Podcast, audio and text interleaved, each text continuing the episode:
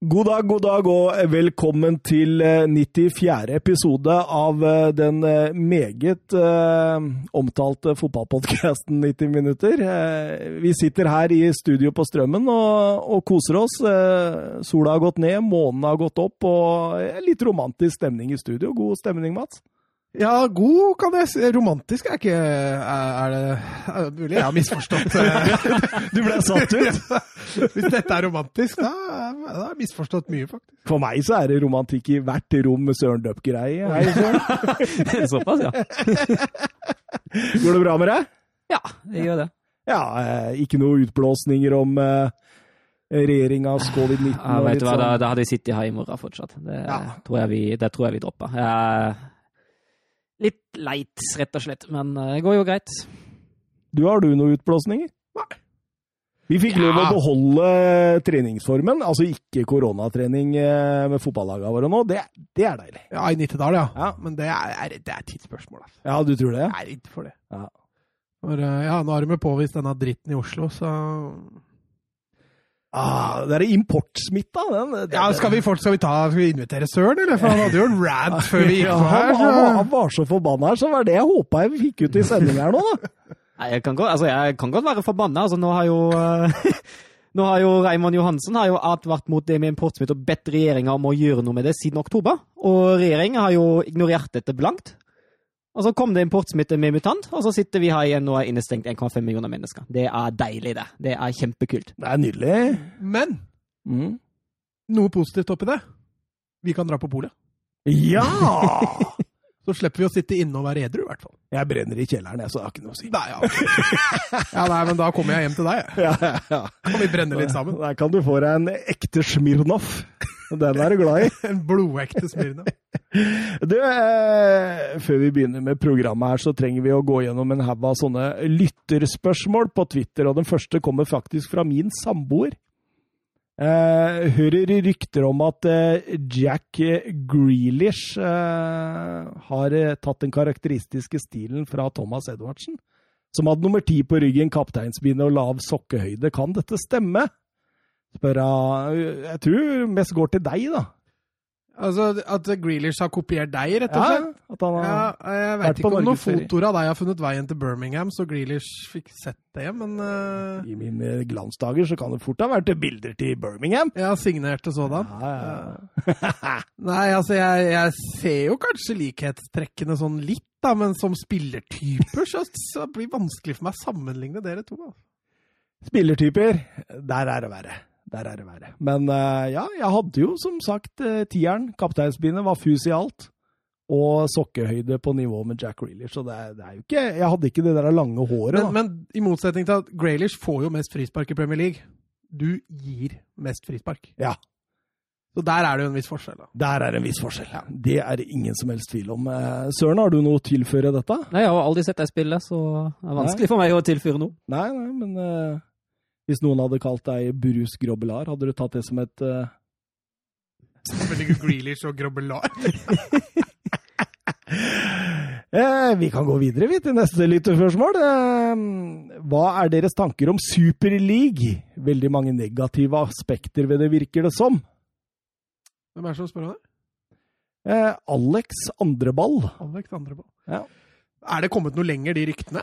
Nei, nå har jo eh, Fifa og Uefa gått ut og egentlig gått imot det her, har jeg forstått. Uh, Både Fifa og Uefa? Ja, fordi de har sagt at spill, altså spillerne som, eh, som, eventuelt deltar i en sånn superliga, de kan vi fint utestenge fra våre kontinentale og verdensturneringer. da.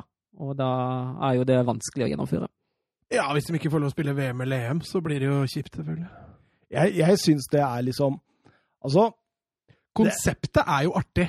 Er det det? Ja, men de lagene som er med der får jo et fortrinn ingen andre kan konkurrere, ikke være i nærheten av å konkurrere med engang, og det ødelegger. Men de må jo sannsynligvis bryte ut av sine egne ligaer, da? Ja, altså Det er jo mest sannsynlig for å ta over for Champions League, tenker jeg da. Ja, men det klarer de jo ikke. Eh, eh altså, Ifølge de rapportene som har kommet nå, da, så, her, så ser det jo ut som at de har lyst til å bryte ut av ligaene sine for å starte en egen liga på 20 lag hvor ingen rykker ned og at det er en rein playoff og på en måte sånn amerikansk eh, opplegg. Eh, jeg, jeg, tror det vil bli katastrofe for fotballen. rett og slett. Nedrykk, da har du ikke noe å spille for. Nei, ikke sant? Det er jo nettopp det òg. Ja, det er enig i. Det er håpløst. Ja, det må komme et uh, skikkelig forslag hvis det skal bli noe, men jeg tror fortsatt med det at det totalt sett så tror jeg det ødelegger fotballen. Ja. Med tanke på at uh, en sånn superliga vil jo bli sponsa sikkert med milliarder. Så de pengesummene du kan få inn der, med TV-avtaler og sponsorer og det som måtte være Klubbene vi får, Altså, Barca hadde jo trengt det, da, men sånn generelt sett så tror jeg det kan ødelegge fotballen. altså. Vi er eh, i 90 minutter samla negative til eh, dette konseptet, kan vi si det sånn? Ja, Sjarmen, definitivt. Sjarmen med ligaene blir jo borte. Ja, jeg, jeg, jeg er helt enig, og det, jeg, jeg tenker jo liksom Altså, eh, Champions League er en Uefa-turnering. Altså, åssen under hvilket forbund skal eh, Superligaen komme under? Fordi dette er jo noe som er eh, på en måte motarbeida av Uefa og Fifa. Superliga. Var det noe Ja. Marvels eller noe sånt? Ja, ja, kanskje det er det. Marvel Superleague. Nei, det mm, Jørn Henland spør eh, kan Tore Reginiussen redde San Pauli, og her tror jeg vi må bare lytte øret til vår tysker, Mats. For Ja. jeg kan ikke noe om dette. Redde San Pauli? Ligger det så dårlig an? Ja, De ligger nå akkurat over streken, eh, på 15.-plass av 18 i andre Bundesliga. og Det gjør de fordi de har hatt en oppadgående kurve nå de siste fire kampene. Har tatt åtte poeng, vunnet de to siste. eh, rett etter at uh, Wolfsburg-lånet Omar Mamouche ble med. Så har Guido Burgstaller, vår gamle Schalke-venn, faktisk skåra to mål i de siste Oi! fire kampene. To mål de siste to Ja, det- er Oi, oi, oi! Ja, ja. Ett mål i snitt i året. Ja, og, men altså, jeg håper jo at, eh, at det kan reddes. For det å miste St. Pauli til og med fra andre Bundesliga, det hadde vært kjedelig. Men jeg tror jo egentlig at en midtstopper, en litt sånn erfaren midtstopper er litt det de trengte. Uh, Boballa, som har spilt ved siden av Tsiais, han har ikke hatt en god sesong. Så jeg håper at uh, Reginussen kan være et uh, fint og solid upgrade der, og at det hjelper å stabilisere det laget der. Men han hadde jo ikke veldig vellykka når han var i Sjalke. Nei, men det var jo også et høyere nivå, da. Mats er Møller Dæhlie går til andre Bundesliga. Ja, til Nürnberg, og de krangler jo med St. Pauli om, eh, om en av de sikre plassene. De sitter jo der nede, de òg. Uff a meg. Tø- Tøffe tider. Eh, Jørn Henland spør i tillegg eh, til dette Mourinho har bursdag i dag. Det har han. 58 år. Gratulerer, José. Ok. Hva er deres mest minneverdige øyeblikk med The Special One? OK, da begynner vi med Søren. Ja. Eh, Min er jo den eh, historien han forteller om eh, Balotelli. Den, den er jo så herlig. Når han har en jeg tror han har Europaligakamp, han er ute der, og han blir jo spurt om Balotelli, og så sier han jo at jeg kunne skrive en bok. Det er jo, det er jo det er komedie, egentlig. Det er ikke drama, det er komedie. Så har han ingen andre spisser å bruke, men han må bruke Balotelli borte i NIS, eller hva det var, tror jeg. Nei, Kazan. Kazan var det, ja, selvfølgelig. Ja, ja, ja. Og så får Balotelli da et tidlig gult kort, og så har han ingen han kan bytte Balotelli med, for han har ingen spisser på benken. No Melito, no Eto. Ja. og, så, og så forteller han da In the break I used 14 or 15 minutes I talked to Mario I was like Mario I have no other strikers Please Don't get a second yellow Please Don't get sent off 47th minute Red card Don't, don't, don't react to any other players. Just focus on yourself. Don't, don't go near any If someone provocates you, no reaction. Den, den er herlig altså Den er nydelig. Mats, har du en eh, favorittøyeblikk du vil dele? Nei, ikke kanskje ett spesifikt, men jeg må jo si den perioden Mourinho hadde i Real Madrid, da, som jeg kanskje husker den best fra sånn sett. Eh, Den intense, spesielt pressekonferansene med Mourinho i forkant med Barca-møtene, det Altså Det spillet da, som var mellom Mourinho og Guardiola da, det var utrolig fascinerende. Og, og for å være helt ærlig, så sammen med Guardiola, så sa han det veldig fint. Altså, kongen av pressekonferanser, det er Mourinho. Han vinner alt på pressekonferansen. Så, men flere av de pressekonferansene han hadde der, var, eh, det, var, det var show. Han hadde noen, hadde noen finer i nyere tid òg, der han da fikk spørsmål om Mesut Özil, eh, at han ikke ville, ville legge opp enn å spille for Tottenham. Den er også fin, når han bare eh, liksom Hvem har Ja, fortalt? nei, han har så mye kar... Hva heter det for noe? Ah, Eh, karisma. Ja. Og samtidig så er han sånn steinhard på samme tidspunkt. Altså, jeg husker jo best eh, Mourinho eh, fra det, even, eh, det var helt sinnssyke jubelscenene etter at eh, Inter hadde slått ut eh, Barcelona i Champions League i 2010, var det det? Mm. Når han løper rundt eh, på matta der som en gærning og med Victor Valdez hengende etter den for å prøve å liksom, vise litt sportsmanship, og han bare dytter han unna, og uh, Sully Muntari er der, og de jubler, og eh, det, det, det er syke, syke bilder. Ellers så syns jeg jo det er veldig fin den han hadde nå sist, eh, når han fikk gult kort mot Southampton.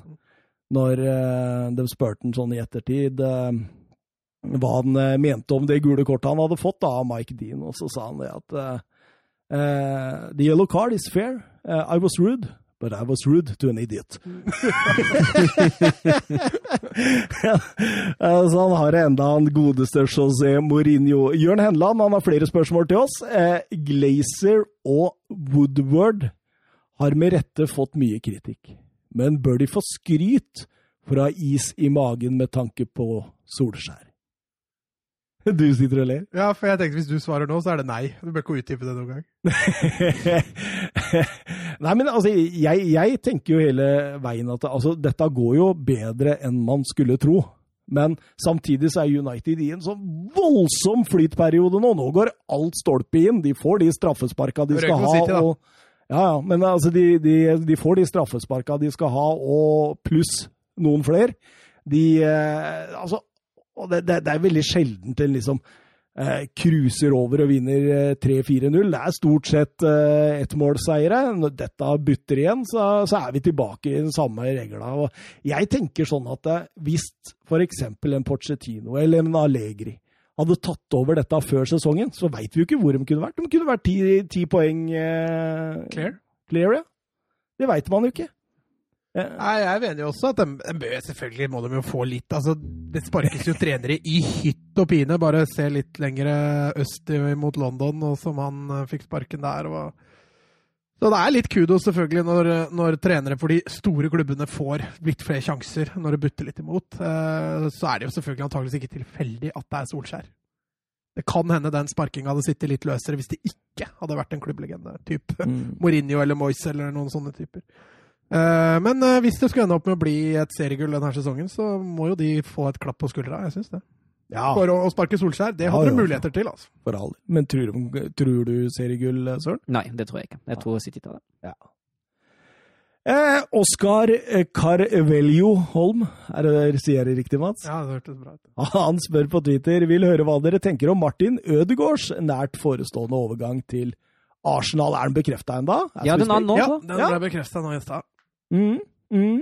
Eh, hva tenker du, Mats? Du er jo ja, det, Jeg, jeg veit ikke hva jeg tenker. Altså, jeg um, Veldig spent på den overgangen der. En Martin Ødegaard som er litt skadeutsatt. Skal spille i en uh, kanskje litt mer fysisk liga enn det han er vant til. Uh, noen gang. Så det skal bli spennende å se. Klarer han å holde seg skadefri, så tror jeg han får spille en del. Det er spørsmål å se om han tar det nivået. Han er jo åpenbart for dårlig for Real Madrid. Blir det en sånn um, rotasjonsspiller med Emil Smith-Roe, da, Søren? Jeg, jeg, må innrømme, litt sånn på samme, samme nivå som Mats. Det er litt sånn vanskelig å, å spå noe helt konkret her. Uh, hvordan det blir. Altså, men det er jeg litt sikker på. at altså, Det er på en måte Ødegaards sjanse til å vise at han faktisk er god nok for et sånn litt bedre fotballag i en bedre fotballiga, og den tror jeg han må ta nå også. Men, men, men jeg tenker på at uh, han kan jo ikke sitte, spille som en av de to sittende. Så han må jo ja, må i den tieren, treeren ja. eh, foran, enten høyre, venstre eller eh, sentralt der. Eh, høyre, der mangler de jo litt. altså William slår ikke gjennom, PP har ikke slått igjennom. Saka har de jo brukt der, men de vil jo eh, også bruke Saka på andre steder. Um, jeg, jeg synes liksom hele avtalen er så rar, da. Eh, fire måneder. Det er vel ikke noe klausul der, tror jeg, på, mm. på kjøp. Eh, så det er snakk om da at han skal spille ut sesongen, og så tilbake igjen, eventuelt til, til, Real Madrid. Eh, det er selvfølgelig Det er mye lettere å gi en fasit på det her etterpå, tror jeg, men, men jeg sitter med en følelse av at han heller kanskje skulle gått til Sociedad. Men, de, men jeg skjønte den avtalen der var mye mer komplisert. Da, så Real Madrid var ikke like gira på den. Men, men, det jeg er litt redd for, da, det er jo det at eh, hvis Saka fortsetter å være så utrolig god som han er på høyrekanten, og hvis Emil Smith-Roe fortsetter å være så god sentralt, så vil du jo ikke skifte ut noen av disse for å spille en Real Madrid-spiller god.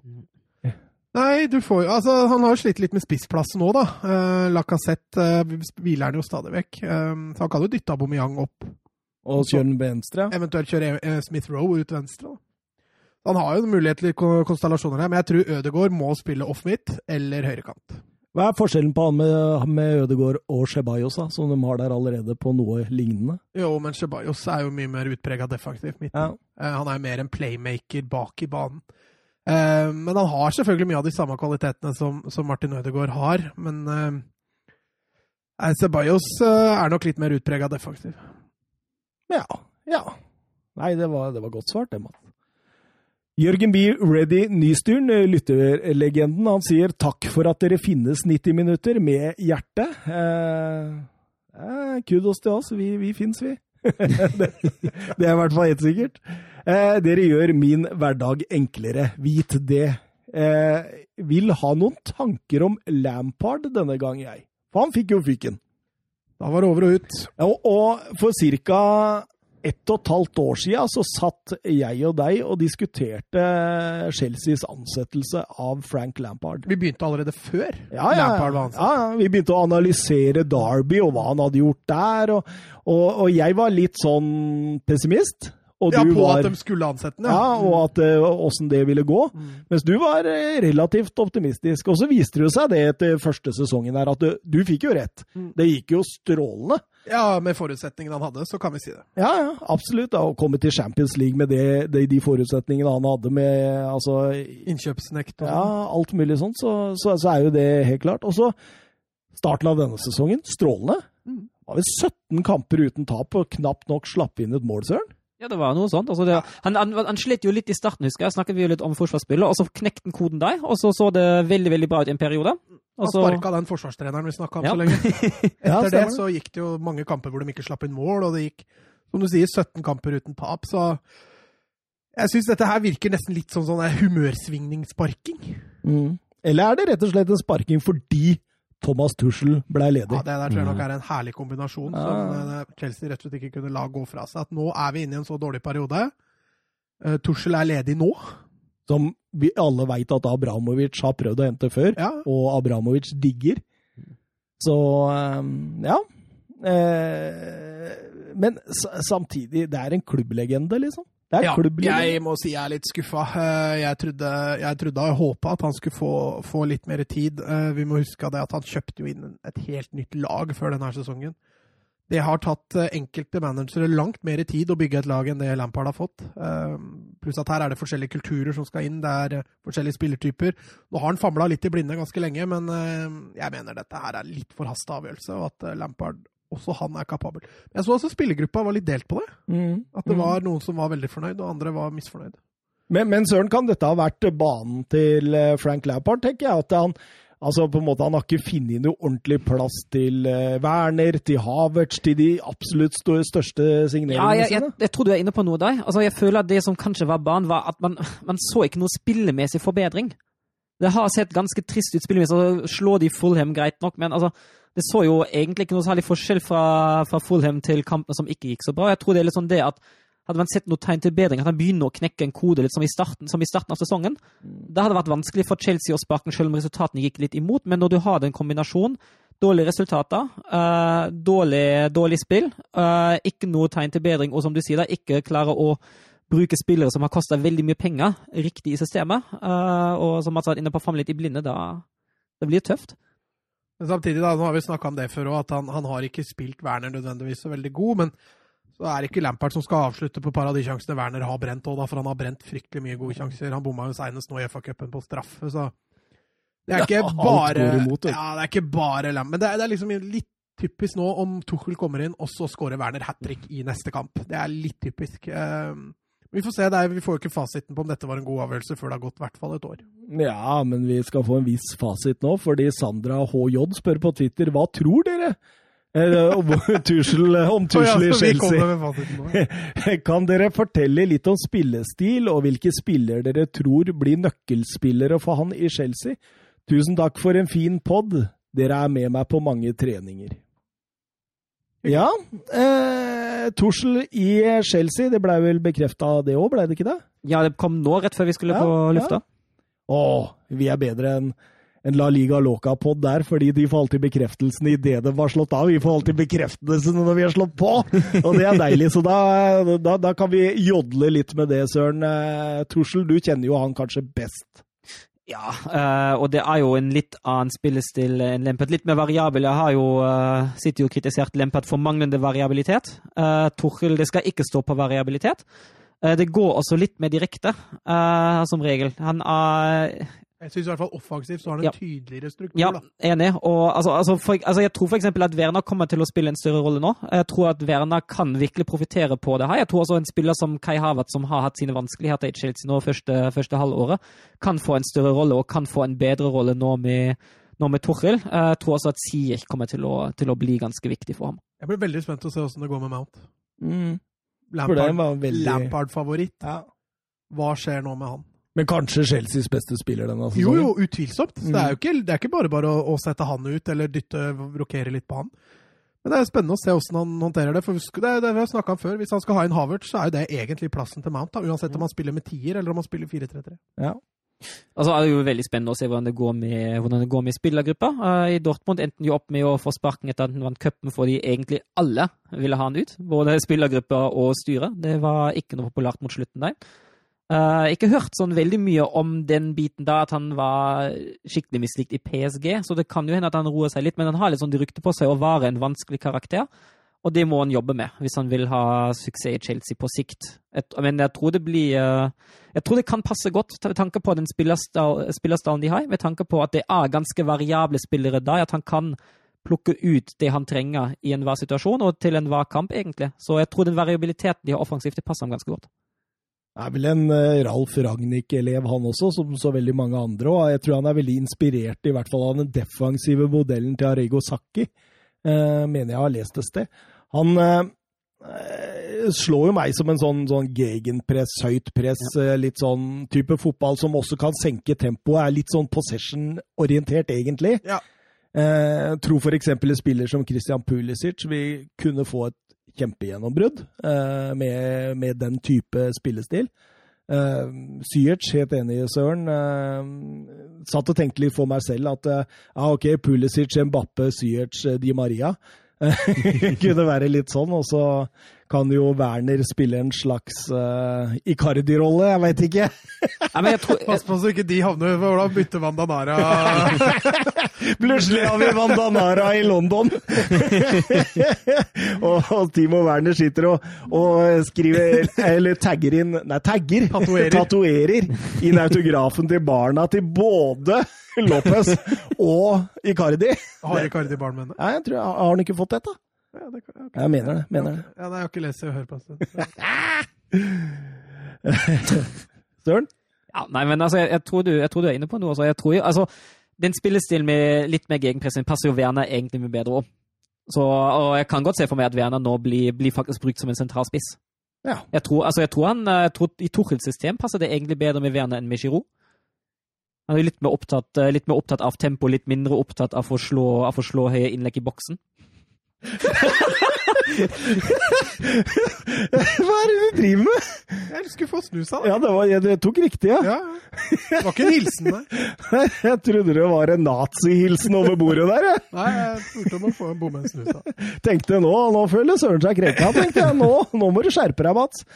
Nei, vi går videre. Um, nisselue på. Kan vi få Jørgen Nystuen som gjest? Ja, selvfølgelig, Jørgen. Ta kontakt med oss neste gang du er i Oslo, så ordner vi det. Ja, Ja, lett. vi, vi sier det sånn. Det gjorde vi.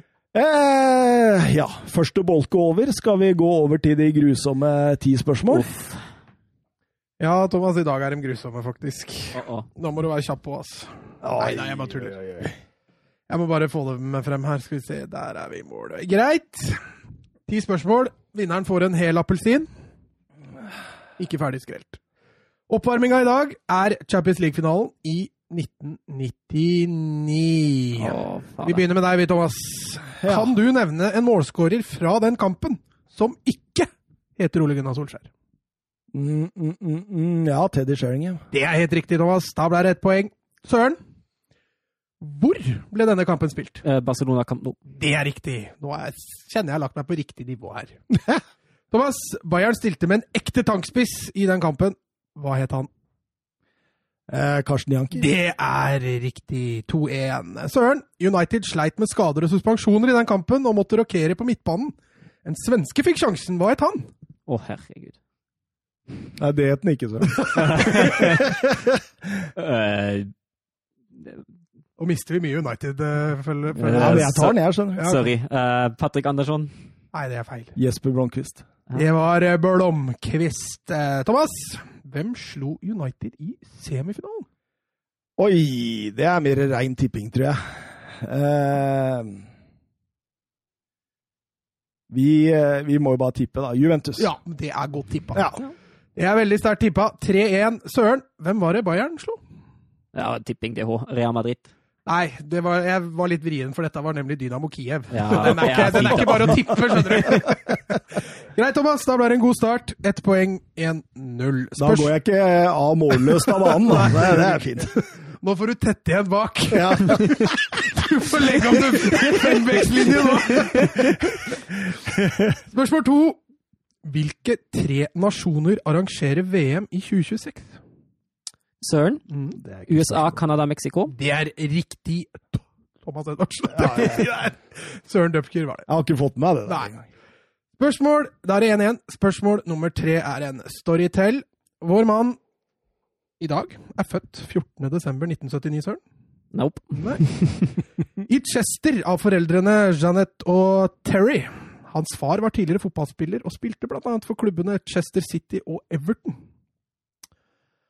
Eh, vår spiller satte spor tidlig i karrieren da han for Deeside Area Elementary Schools U11-lag skåra 97 mål på én sesong, og slo dermed Ian Rush sin 20 år gamle rekord med 15 mål. Han slo samtidig Gary Speed sin rekord for antall kamper for U11, det samme U11-laget, siden han spilte med dette laget siden han var åtte år. Interessen rundt vår mann var stor da han var tolv år. Sto flere storklubber i kø. Chelsea, Arsenal, til og med Brian Kidd fra Manchester United kom for å se han spille og kartlegge han. Men et personlig brev fra Steve Hayway avgjorde skjebnen, og han signerte for akademiet til Liverpool. Søren. Mm. Michael Owen. Det er riktig, søren. Ja, Det er fortsatt mye igjen her, altså. Det var litt synd du tok ja, det ja, så tidlig. han tok, jeg, jeg var der, jeg òg. Men det var han eh, eller Robbie Fowler. ja. Men Fowler var litt eldre, riktignok. Michael Owen var riktig. 2-1. Spørsmål nummer fire. Hvilken klubb er det David Beckham eier? Søren. Og der var dere ganske likt. Veit da søren hvem vi var. Veit da søren. Da søren. Um, ta stein, saks, papir, da. Søren. Inter, Selvfølgelig! Inter, Inter Miami. Inntil Milan! Inter Inter Milan. Inter Miami er riktig. 3-1. Spørsmål fem. Hvilken spiller jeg leser klubbene han spilte for i stigende rekkefølge? Skulle dere mot formodning ikke klare det til da, så leser jeg også klubben han har trent som trener. Brøndby, Lazio, Juventus, Barcelona, Real Madrid, Wissel Kobe. Thomas. Ja. Mikael Lauder. Det er riktig. Ajax var den siste klubben der. Og 3-2. Da skal vi til en klubb. Jeg leser noen hints, og så får dere ta det når dere følger for det. Klubben vi skal fram til, er stiftet 9.9.1893. Den opprinnelige klubben, Cannstatter Fotballklubb var opprinnelig en rugbyklubb, men fikk kjapt også et fotballag. De opplevde kanskje sin største storhetsperiode på 50-tallet. Og de har til sammen fem seriemesterskap og tre cupmesterskap i hjemlandet. De har også tapt finale i både Uefa-cupen og cupvinnercupen. De har hatt storheter som Ottmar Hitzfeldt, Giovanni Elber Mario Søren. Ja, Det er vel VfB Stuttgart igjen. det er helt riktig, det. Ja. Jeg tenkte det kan jo ikke bli være det! Det er derfor jeg tok det ut her. Jeg, jeg begynte å stusse på kanskje allerede. Jeg tenkte, Hæ, Stuttgart igjen? Og så var jeg litt spent på det første eh, hintet der, om du skulle ta den allerede der. Men det var bra du ikke gjorde det. Kom litt lenger. 4-2. Vi skal ha en Hvem skal ut-oppgave. Hvilke av følgende spanske lag har ikke spilt Uefa-Europa League-finale på 2000-tallet? Altså fra 2000 til i dag. Jeg nevner fire klubber. Dere sier den som ikke har vært i en finale. Valencia, Real Sociedad, Deportivo Alaves, Athletic Bilbao. Søren. Jeg tror det er Sociedad. Det er riktig søren. 5-2. Da tar vi en såkalt historietime. Det blir to spørsmål. Vi starter med følgende. Hvilken klubb var den første til å vinne Premier League i 92-93? Thomas. Mm. Blackburn. Det var feil. Det er feil. Nei, nå avslørte jeg. Er svaret. Manchester United. Ja, så da får du ikke for den, søren. Sorry. Blackburn var neste, det.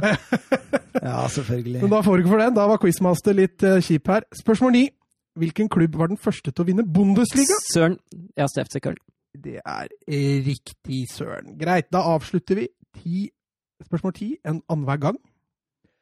Eh, det vil da si at jeg har brukt Transfermarkt som, som eh, fasit. Jeg leser Jeg vil ha de, de eh, 17 mest verdifulle U21-spillerne vi har i verden. Oi da. Ja. Og da må de være 21 år eller yngre. Thomas, mm. da får vi begynne med eh, Joao Felix, da. Han er nummer én. Ja. Han er den mest verdifulle. Å, da står det helt stille her, altså.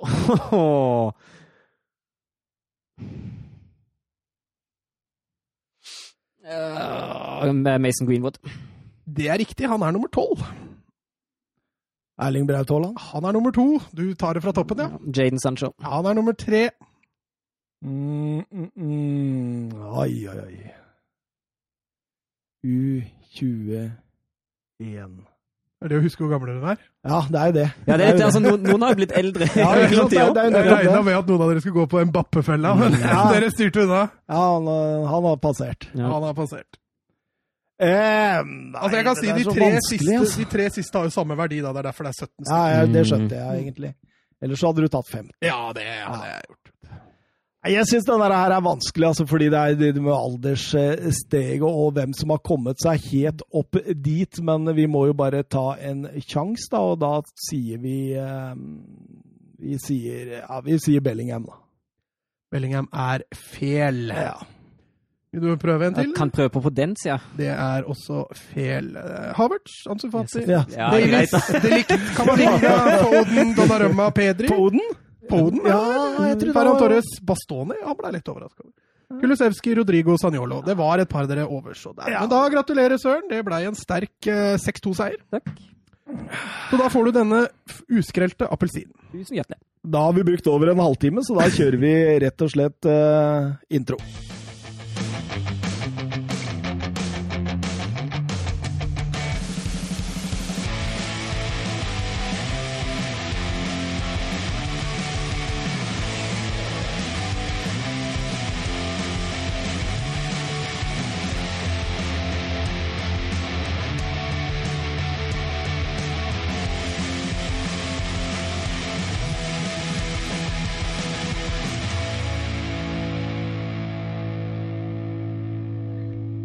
Ja, da var vi tilbake, og eh, vi begynner i La Liga, siden eh, Premier League spilte FA-cup denne helgen. Eh, Sevilla-Cádiz, Mats. Det blei til slutt enveiskjøring, det? Ikke til slutt. Det var jo ganske enveiskjøring fra, fra starten av. Altså, det var ikke sånn at Sevilla spilte Cádiz helt ut av banen, men Sevilla eide stort sett ball. Det som ble produsert, var det Sevilla som sto for, og de har jo nå en spiss som virkelig leverer. Altså. Du tenker på Enesiri? Nei, Luke de Jong, tenker Ja. jeg. Hørte de hadde fått et bud tidligere i uka fra Westham på rundt eh, ja, 30 millioner euro. Ja, det var ikke nok, det. Han eh, hadde en høyere verdi, så Sevilla avslo det høflig, og det skremte Westham langt av gårde. Er ikke verdt så mye penger, er han det? Ja? Altså, 300 mye for Nesiri. Altså, før sesongen så hadde jeg sagt eh, vær så god. Nå har jo Sevilla også solgt tredjespissen sin til Sociedad, som erstatter for William José. Ja, stemmer det. Så så nå har de jo bare to spesses der, med, med de Jong og, og Nesiri. Så hvis de skulle solgt Nesiri, så måtte de jo hatt en erstatter klar, da. Mm. Um, at de verdsetter da Nesiri mer enn over 30 millioner euro, det, ja, det er kanskje litt uh, merkelig. Han er jo en spiss som leverer veldig varierende. Men siste månedene har han vært bra. Altså. Mm. To hat trick nå på de siste eh, fire kampene. Ja, og det er vel er det to av tre hat trick i La Liga siden Så- pandemien, omtrent? Så langt i år, ja. Ja, eh, eh, Skal vi kommentere hans tremål, eller? For det var komisk bak i, bak i Men, men han dominerer. Han viser jo i hvert fall litt styrke i spenst der, da. Mm. Han timer jo det nå. altså Forsvarsspilleren til Kadis er jo ikke i nærheten engang. Du kan kanskje gå gjennom den klareringa der. Ja, Ja, den, men den, var jo, den var jo fryktelig. ja, litt synd på, litt synd på unggutten Baro deg, men uh, Rett til Ja.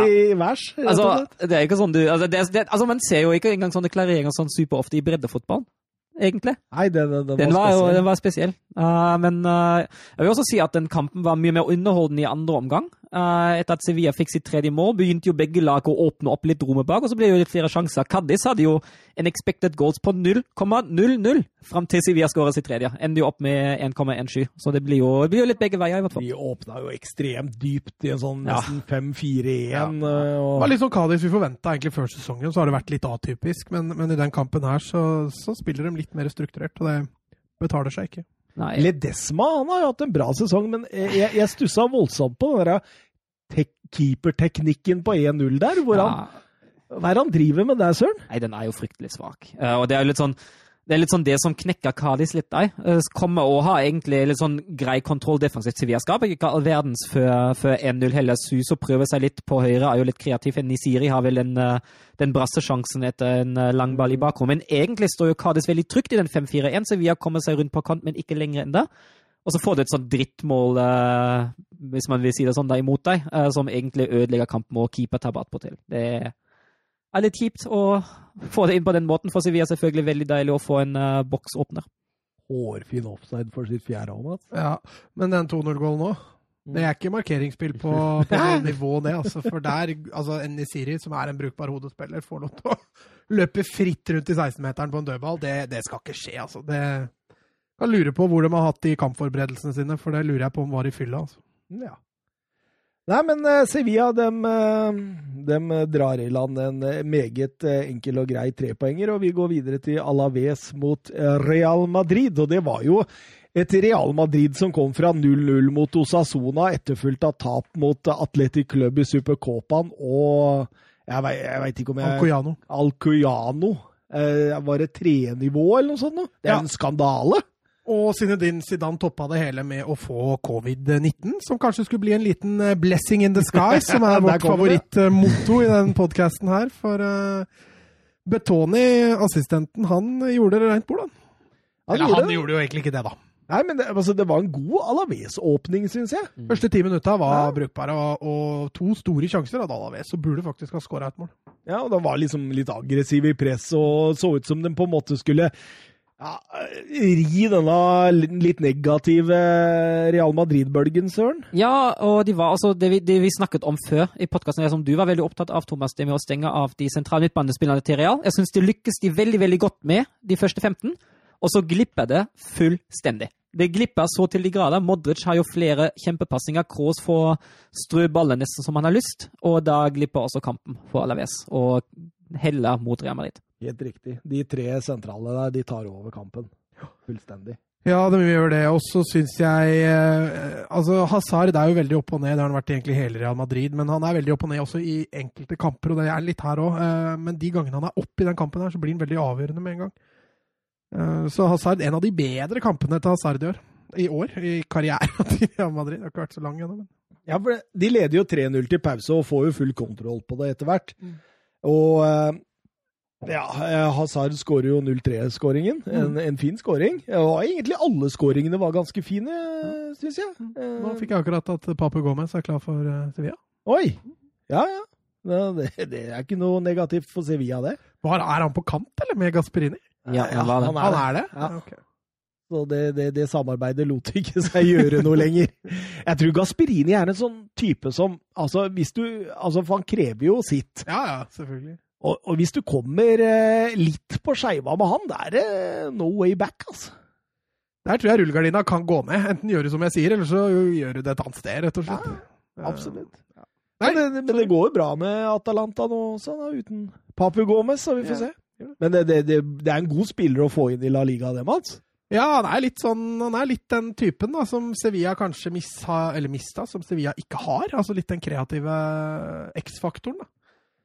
Um, skal bli spennende å se hvem han ofrer. Han har jo spilt ut venstre i Atalanta, og nå har han jo både Ocampos og eh, Suso, som har vært fantastisk de siste kampene. Skåra et perlemål i midtuka. Det blir spennende å se hvem av dem han eventuelt vraker, da, eller om han gjør en liten formasjonsendring for å få inn eh, Gomez. Ja. Eh, over til Real, eh, søren. Eh, Fordi Abelardo Fernandez der, han gjør jo trippelbytte i annen omgang, og det er, det er så åpenbart misfornøyd med hva han har sett. Ja. Du, du så jo kroppsspråket hans underveis i kampen der òg, at han var jo Ja. relativt oppgitt. Ja, litt artig historie, det òg. Abelardo Alaves. Apropos. Ja, fortell, fortell. Nei, altså ikke, ikke sånn, da, men han gjorde det jo sterkt i Alaves for en tid tilbake. Eh, fikk dem opp, holdt dem også lenge oppe, langt opp på tapet Kjempa jo lenge om eh, Champions League. Ja.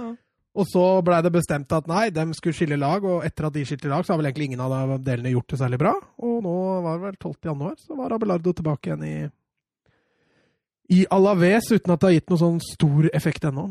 Men jeg er helt enig med deg, han måtte jo gjøre noe bytter der. Ja, Joselu setter 1-3, og du tenker kan det bli kamp? Nei da, det ble ikke det. det, ble ikke det. Og, og, og, og Benzema han skårer rett og slett et Tiar Ary-mål. Tarn kommer ut fra venstre der, går innover og bare legger den i lengste. Altså Det forsvarsspillet der, én mot én forsvar der, det, det er jo over under enhver kritikk, selvfølgelig. Men men jeg skal ikke ta fra Benzema noe som helst. Uh, men jeg hadde ikke vært fornøyd som trener når forsvarsspilleren din gjør det så lett altså, for angrepsspillere. Gode arbeidsvilkår. Ja, der har han fryktelig gode arbeidsvilkår. Altså. Så øh, skal vi konkludere med var Real Madrid gode og på rett spor, eller var Alaves øh, så dårlig at øh, vi må vente og se litt? Jeg syns ikke Alaves var dårlig, men jeg syns Real Madrid var bra. Første gangen var bra. Uh, uten at vi nødvendigvis behøver å slakte Og Alaves-forestillingen. Hazard var bra. Ja, jeg syns det. Ja. Jeg synes det er en av de bedre. Han varierer selvfølgelig veldig, men eh, Eller veldig, han varierer litt. Men totalt sett så, så er det en av de bedre kampene jeg har sett av Sard i Real Madrid. Skal vi ta et lite bet her inne? Hvor lang tid tar det før Hazard får sin neste skade? Uh, slutten av februar. Ja, Slutten av februar, ja. Det, det er ikke gæren. Hva med deg, Mats? Jeg venter på deg. Ja, Du venter på meg, ja? Ja, Da sier jeg innen et par uker. Hva better vi, da? Nei, vi Ja, men et par uker er jo slutten av februar. Ja, er det det? Nei, midten av februar, da, hvis du sier par det er midten av februar, er det ikke det? Ja. Ja. Men, men hva er en altså Mener du sånn skikkelig skade, eller bare sånn Ja, Sånn som han, han blir borte i en måned, to Å igjen. ja, sånn ja. Nei, vet du hva, da skal jeg ta i, og så sier jeg at han eh, holder ut sesongen. har, du ikke, har du ikke sett uh, Nei, nei, nå er Real Madrid de er ute av Copa del Rey. De slipper noen midtukekamper og sånn, så da får han jo trent bra. Og så tror jeg de skjønner at eh, Hazard kan ikke spille av hver kamp. Ja, vi får se. Vi får se. Hva, hva betta vi om? Nei, vi Sneakers. Ok, ja, det, det kan jeg ta på. Elche mot eh, Barcelona, den eh, regner jeg med du så med argusøyne, Mats. Jeg så den i opptak, da, men eh, ja, det var eh, Det var en solid Barca-kamp. Ikke noe fyrverkeri. Jeg møtte jo heller ikke noe fyrverkeri. Eh, men, men relativt solide. Mangler jo fortsatt Messi etter, etter denne karantenen. Eh, blir jo alltid litt bekymra når du mangler nummer Ono, men eh, jeg syns de klarte seg greit. Det blei jo mye spill Ja, Braithwaite på årets prestasjon, faktisk. Jeg tror han aldri kommer til å gjøre det bedre enn det han gjorde i forkant av 0-1. Nei, nei, nei. For all, for all del slått inn, flott innlegg. Ja, veldig bra. Trodde ikke han hadde det i seg, faktisk. Men Frenkie de Jong han begynner å vokse nå. Ja, sterk prestasjon igjen. Uh, fryktelig god kamp. Og så ser man jo nå at han blir jo tydeligere og tydeligere den 4-3-3-formasjonen igjen, med de Jong som en mer klassisk indreløper. Og Pedri, selv om han kanskje har litt mer offensivt ansvar enn de Jong, så er det jo litt mer tydelig 4-3-3 over det. Og du ser jo de Jong inne i boksen. Det har begynt å gi skåringer, det. Ja, absolutt. Han, han, eh, han har jo også sin del av eh, 0-2-skåringa til Ricky Porsch. Ja, Silkemykt innlegg der, herlig. Men, men bare sånn for å henge, bare for å ta den 0-1 Det er så vidt det blir hans mål, da. Det er ikke mange centimeter før det er skjærmål. Nei. Og, og, og hvis ikke det hadde vært skjærmål, så hadde vel også Grismann satt den, tror jeg. Ja, ja, hvis han forsvarsspilleren Ja. hadde tatt den. Ja, ja, ja.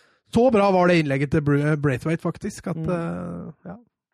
Nei, også Pooch da, skårer sitt første mål. Det var jo selvfølgelig Han ble glad. Han ble glad. Eh, det var nok et stolt øyeblikk for en Barcelona-gutt. Også for fansen, tror jeg. Jeg tror vi, jeg, tror vi. jeg var i hvert fall fornøyd når han kommer inn og skårer.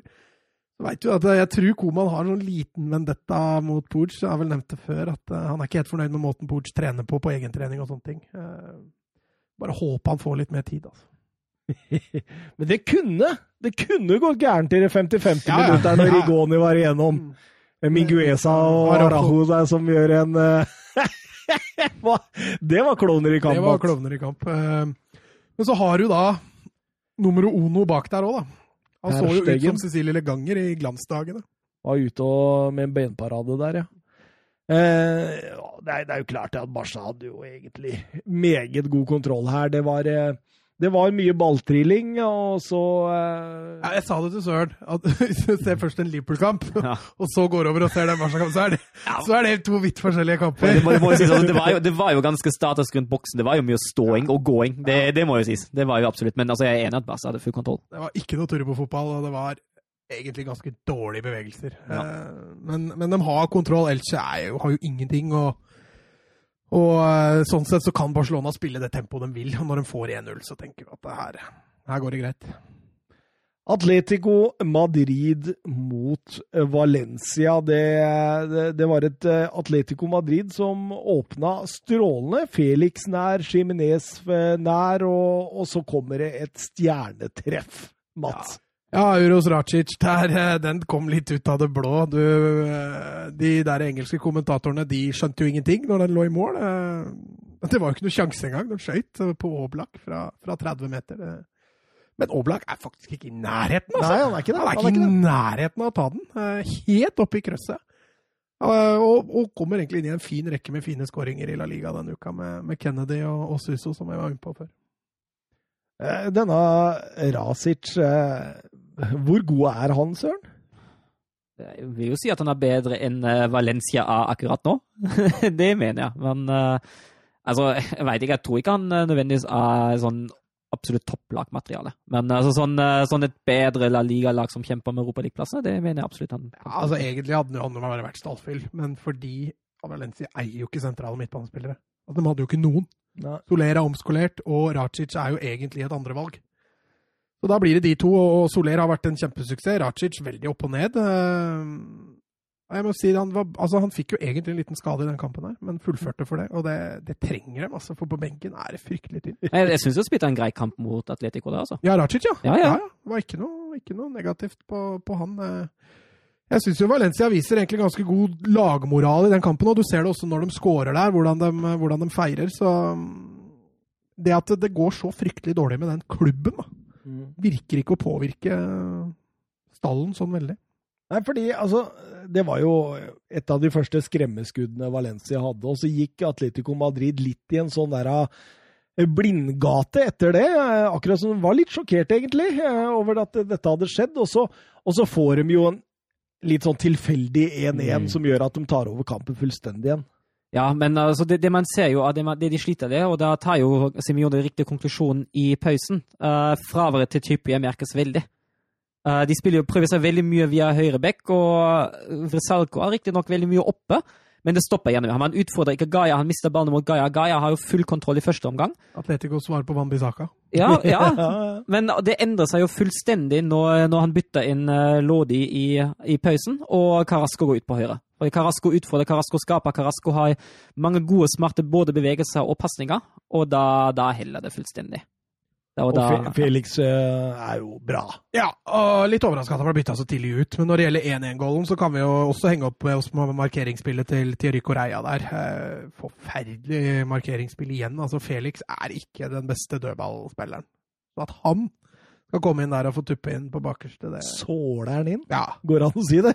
Fryktelig dårlig av Korea der. Men eh, kudos til Felix. Og ut i annen omgang der, så det tar jo ikke lange tida før eh, en hitman ved navn eh, Luis Suárez Ja, men Gabriel Paulista. God jul, ass! ja, jeg tenkte på det samme. Totalt fraværende. altså ja, jeg, jeg, skjønner ikke hva han tenker på. Han har ingen bak ryggen sin. Nei. Og han må jo ut og støte. Mm. Leroy Suárez skjønner oi, her er fryktelig god tid. Da bare tar han med, tar han med, tar han med, og så skyter han jo i mål. Gabriel Paulista skjønner jo ingenting. Jeg fatter ikke hva han driver med der. altså. Og eh, etter dette så ligger jo bare Atletico Madrid i 5-4-1 og, og kontrollerer kampen og kjører kontra. Det er det de stort sett gjør. Ja. Det var ikke noe mer eh, å skrive hjem om, egentlig. Får selvfølgelig et mål, så kan du skrive hjem om det. Men um, jeg syns Valencia, etter de får 2-1, så går også lufta litt ut av dem. Det er ikke Det mangler den siste. De har ikke det. De har det ikke rett og slett inne. Altså. Nei, og så er det jo vanskelig å bryte ned Atletico når de legger seg litt lavere. Nei, det, jo... har ikke de kvalitetene i det hele tatt. Sju poeng eh, med én kamp mindre spilt eh, ned til Real Madrid nå. Ser eh, solid ut. Sander Nystuen, nei Midtstuen heter han, på Twitter. Han skriver Hvor mange poeng vinner Atletico Madrid i La Liga med nå? Er de i virkeligheten truet, søren? Nei. De er, ja, jeg, jeg tipper jo Vi blir jo, vi blir jo, spurt, uh, blir jo spurt om hvilket lag, eller hvilken liga uh, avstanden vil være størst for noen uker siden, eller måneder siden. Og jeg tipper vi er ganske bold La Liga fordi jeg ikke hadde lyst til å tippe, tippe Bundesliga igjen. Uh, jeg har ikke lyst til å vingle. Hva med deg, Mats? Jeg tror, um... jeg tror de vinner. Ja. Men jeg tror ikke avstanden blir ti poeng. Nei, du tror ikke det? Det, det tror jeg ikke. Um, vi, altså Atletico Madrid er jo ikke halvveis i sesongen sin engang. Så de må ikke selge Husker aldri det ordtaket. Selge bjørnen før skinnet er skutt, holdt jeg på å si. Selge høna før bjørnen har lagt skinnet, eller et eller annet. Så de må, de, de må fullføre dette, men jeg syns det ser veldig solid ut. Altså, så det grunnlaget de har lagt nå, det ja, Jeg tror de vinner. Jeg gjør det. Men om det blir noe I hvert fall ikke mer enn ti poeng. det har jeg ikke. Nei, men jeg kan ikke vingle. Nei, nei, jeg, helt opp til deg. Da skal vi over til Bundesliga, og vi skal over til uh, ukens hovedkamp. Uh, for den uh, Bundesliga-runden den starta fredag den, med å toppoppgjøre Borussia München-Gladbach mot Dortmund Søren. Ja, gøy fotballkamp, forhåpentligvis. Dortmund hadde jo et fryktelig tap, tak på München-Glattberg. Har vunnet de siste elleve på rad mot München-Gladbach. Må en av samme motstander, så München-Gladbach har en fryktelig serie mot Dortmund før start. Mm. Mm. I, i, I, Gladbach, eller? Nei, generelt. De siste elleve kampene i serien mellom de to, de har Dortmund vunnet alle sammen.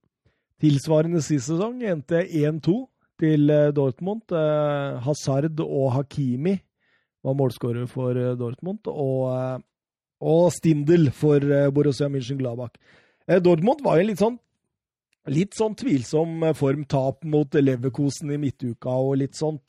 Borussia München-Gladbach hadde jo ikke tapt siden 19.12., eh, da de tapte mot Hoffenheim, og, og slo Werder Bremen i midtuka 1-0 etter skåring av Nico Elvedi.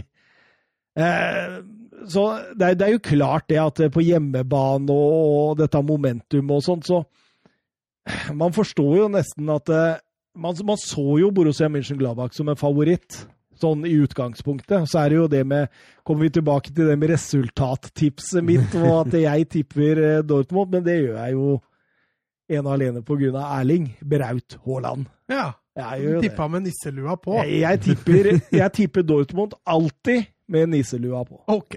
Ja. Men, eh, men jeg, jeg, så jo egentlig Borussia Mönchengladbach som en eh, knapp favoritt, Søren. Ja, det er vel uh, greit å se det. Jeg tipper jo 2-2. Jeg regnet med at det skulle bli en, uh, en jevn kamp. Uh, og i hvert fall en offensiv kamp, fordi begge lag er jo litt kjent for å være forholdsvis offensive. Eh, la vi merke til noe ved lagene?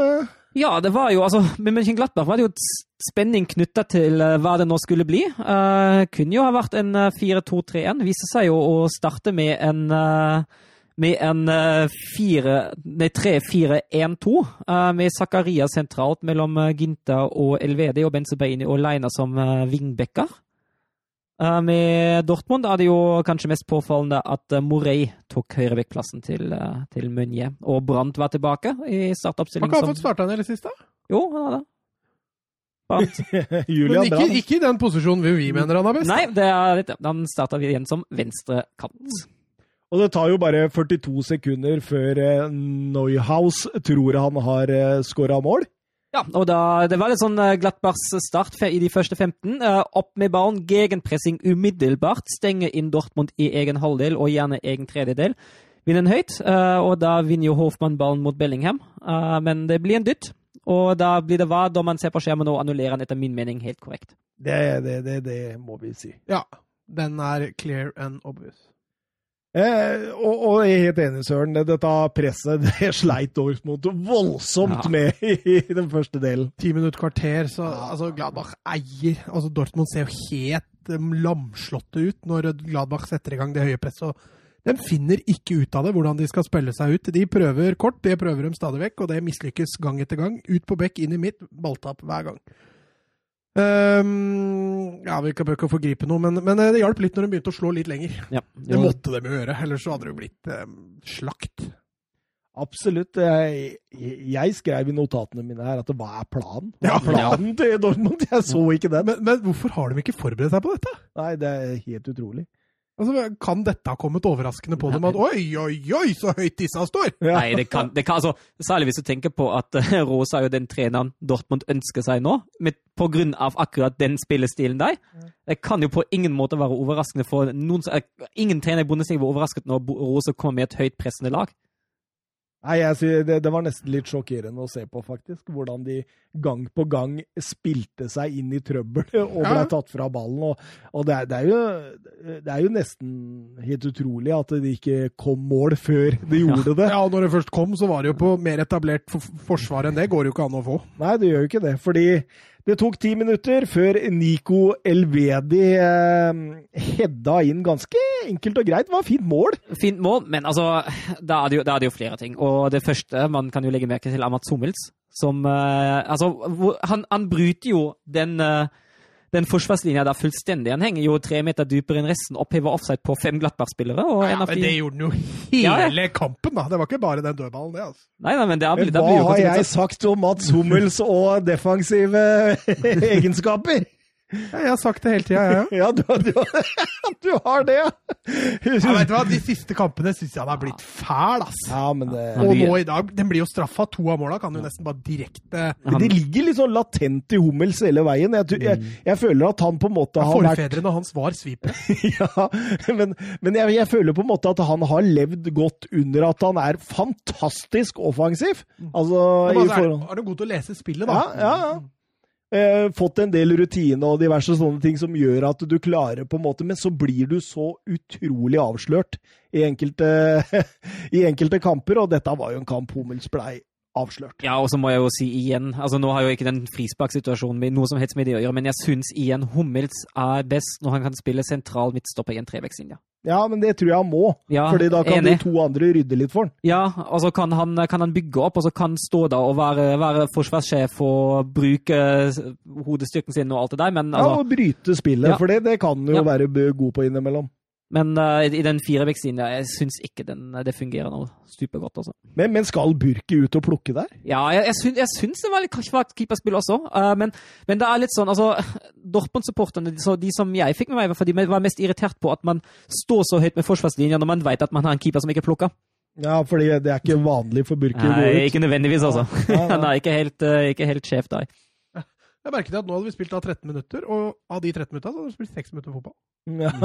Det var jo var i 7 minutter, eller noe mye de holdt på. ja, det var voldsomt lang tid. Begge måla der gikk det jo dritlang tid. Og, og, og, og jeg var litt overraska over at de brukte så lang tid. Ja, i hvert fall på den Fordi- første. Ja, jeg skjønte ikke helt det der. der. Men, Men eh, dommeren måtte ut og titte. Var det noen poeng der, da? men så er det jo som du sier, eh, Mats, at eh, Dortmund kommer litt mer med, og det, det, er, det, det er noen, noen forklaringer til det. Eh, Det første er at eh, de presser mer samla sentralt i banen. Og nummer to, det er som du sier, de slår mer langt. Ja, i frispillinga. Ja. Og, og da kommer de jo litt mer med, Søren. Ja, og det gjør de. Og etter ca. 15 minutter vil jeg si at den dominansen til Mönchenglappach blir litt brutt. Uh, underveis blir den til og med snudd litt på hodet, fordi da, altså, da er det som du sier, at uh, særlig sentralt uh, kommer ikke Glattbach seg ut noe særlig lenger. Og det er Dortmund som faktisk uh, låser Mönchenglappach litt inn. Uh, vinner andre baller, vinner igjen etter at de har tapt uh, ballen oppe. Og da sliter Mönchenglappach i en liten periode, altså. Og det resulterer jo i 1-1. Ja, altså, altså så fort Dortmund bare får flytta ballen opp i banen, dem, så ble det mye bedre med en gang. Eh, Det etablerte forsvaret til Gladbach var ikke like imponerende. og det som sier, når, når Dortmund fikk lov å presse litt høyere, så ble det, så ble det bedre. Men det er som du sier, Haaland han, han jevnar ut. Han jevner ut Og du eh, trakk nisselua godt nedover øra. Å, det var deilig å se når han men, men de får jo smake sin egen medisin der, eh, Borussia München-Gladbach. Det er jo eh, De lykkes jo i presset, Dortmund, og ballen raskt til Sancho, som eh, trekker inn i ballen og, nydelig stikker der. Ja. Er ikke ferdigskåra, men Nei, nei. nei, den chipen av Haaland er det, det, det viser klasse, faktisk. mm, det gjør det. Men Sancho er ekstremt påskrudd på i denne tida. I Ja. den perioden Ja. der, ja. Men den bryteren den går det fort å skru av. altså. Ja, utover i annen omgang Ja. der, men fra, fra, fra kvarter til 45 så syns jeg han er banens desidert beste Ja, jeg er helt enig. Så, så er det som å slå av en bryter, ja. Det, det, det er helt riktig. Men da er det jo plutselig, og jeg syns jo plutselig på denne tidspunktet er det etter 1-1 og sånt, at det er Dortmund som ser best ut. Ja, jeg er helt enig. Altså, fra 1-1 til, til 1-2 og til Roset foretar en uh, informasjonsendring, uh, da er det Dortmund som har klart best. Har en enorm dobbeltsjanse der òg, som blir redda på streken. I streken, i stolpen og ut. Ja, Stindel, herlig. Er herlig da, som, uh, som Heddan, Heddan som sagt, i stormen. Ja, Sånn nydelig flyhedning, Sånn som en keeper. Uten, uten hender, selvfølgelig, men uh, sterkt. Men det tar jo ikke lange tida før Erling Braut Haaland Mats er der igjen. Hæ? Ja, det forspillet der er jo, er jo fantastisk. Få touch, eh, flere samtidige bevegelser. eh, Forsvarsspillet til Gladbach viser jo der svakheter, for det blir fryktelig store avstander. Altså. Um, Men de finner hverandre. Bellingham til Sancho og Sancho til Haaland. Og venner på en femøring, er ikke det man pleier å si? Det er vel det. Ja, og legger den i hjørnet. Så det, det var klasseskåring. La til på riktig bein der og Mm. bare hamra løs. Det, ja, det er en måltyv. Det, det er det, definitivt. Men igjen, Sancho, det han gjør da før, før Det er helt 1-2, så altså, det er helt Helt fantastisk. Det er liksom oppsiden til Sancho, akkurat de tinga der. For han kan, han kan på en måte ja, helt alene bare gjøre et helt forsvar til et ubalansert forsvar. Og, Mm. Nei, det er helt voldsomt å se på når han har dagen. Og da skjønner jo Rose at det har en plan med Zakaria sentralt i Forsvaret. Eh, han uh, satte den inn der for å få dempe opp farta til Erling Breit Haaland. Eh, det fungerte egentlig ikke. Jeg syns egentlig han skapte litt mer uro enn han hjalp eh, sentralt i Forsvaret der. Virker litt som at han preger litt eh, både Ginter og, og Elvedi. Uh, Du så at han var ikke stopper. Han Nei. er ikke stopper, du ser Nei. det. og han, særlig på særlig på 1-1-serien står han jo helt feilplassert. Ja, det Eh, posisjoneringsspillet du ja. avslører han ganske kjapt på. Altså. ja, og så trekkes han opp i midten, og glatt går over til en 4-2-2-2, og det gjør kampen litt jevnere igjen. Tok en Nagelsmann, altså. Ja, han gjorde det. ja, fordi det tar jo ikke lang tid før Nico Elvedi setter inn sitt andre mål og sitt tredje på to kamper. Ja, og hvis vi snakker, hvis jeg stiller litt spørsmålstegn ved Byrki på første mål, er dette her en soleklart keepertabbe. Det er fryktelig eh, Reaksjonen hans etterpå er nydelig. Hvor er forsvaret der?! Hvorfor er det ingen som tar returen min? Retur rett ut! Ja. Rett ut! Men samtidig, jeg ser litt at han får trøbbel med det, for han feilberegner. Det er jo det han gjør. Eh, han skal, prøver jo ikke å holde den, og det er ikke det at han prøver å slå returen ut i farlige områder. Han prøver jo, Du ser han prøver å slå den vekk, men så bommer han på hvor han skal treffe ballen, og så havner han jo rett ut i farlige områder. Men, men Hva er som opphøyer offsiden der? Det er én Dortmund-spiller som står innafor der og kløner. Det jo, det er, det er Guerreiro. Gureiro er det, ja. Helt riktig. Som opphever bare alt av offsider. Så står det tre Gladbach-spillere der. Eh, men, men, men nå er det blitt en særs morsom fotballkamp å se på. Ja, nå bølger det fram og tilbake. Og, det er, altså, og nå er det jo litt sånn Begge lag kan på en måte spille på det de akkurat nå er best på. Spille litt direkte, utnytte når motstanderen er i ubalanse, og eh, det er, det er morsomt. Og Dortmund er jo Men nå var begge laga mye ubalanse. Ja, det var det. Eh, og så ser du, når Gladbach har en god periode, så skårer Dortmund. Mm. Og vice versa. Mm. Utover i pausen. Det var litt sånn rart å følge med på. Men når det ble 2-2, da eksploderte det litt, faktisk. Da. Ja, det gjorde det. Det blei fullstendig Hawaii om Ja, det ble bølge det. på bølge og Siste minutta roa det seg, men, men strekk i laga, og de klarte og det. avstandene ble jo Ja, og, og, og det er jo på en måte et kampbilde som passer begge lag veldig godt, men kanskje ikke mot hverandre. Nei, du blir straffa på det du egentlig har sagt for. Men eh, det var litt artig når Haaland prøver å skli inn to- to-tre på ved mikrofonen. Kom noen gloser der, og jeg tenkte når jeg hørte Sa Bisgaard Sunde det, eller?!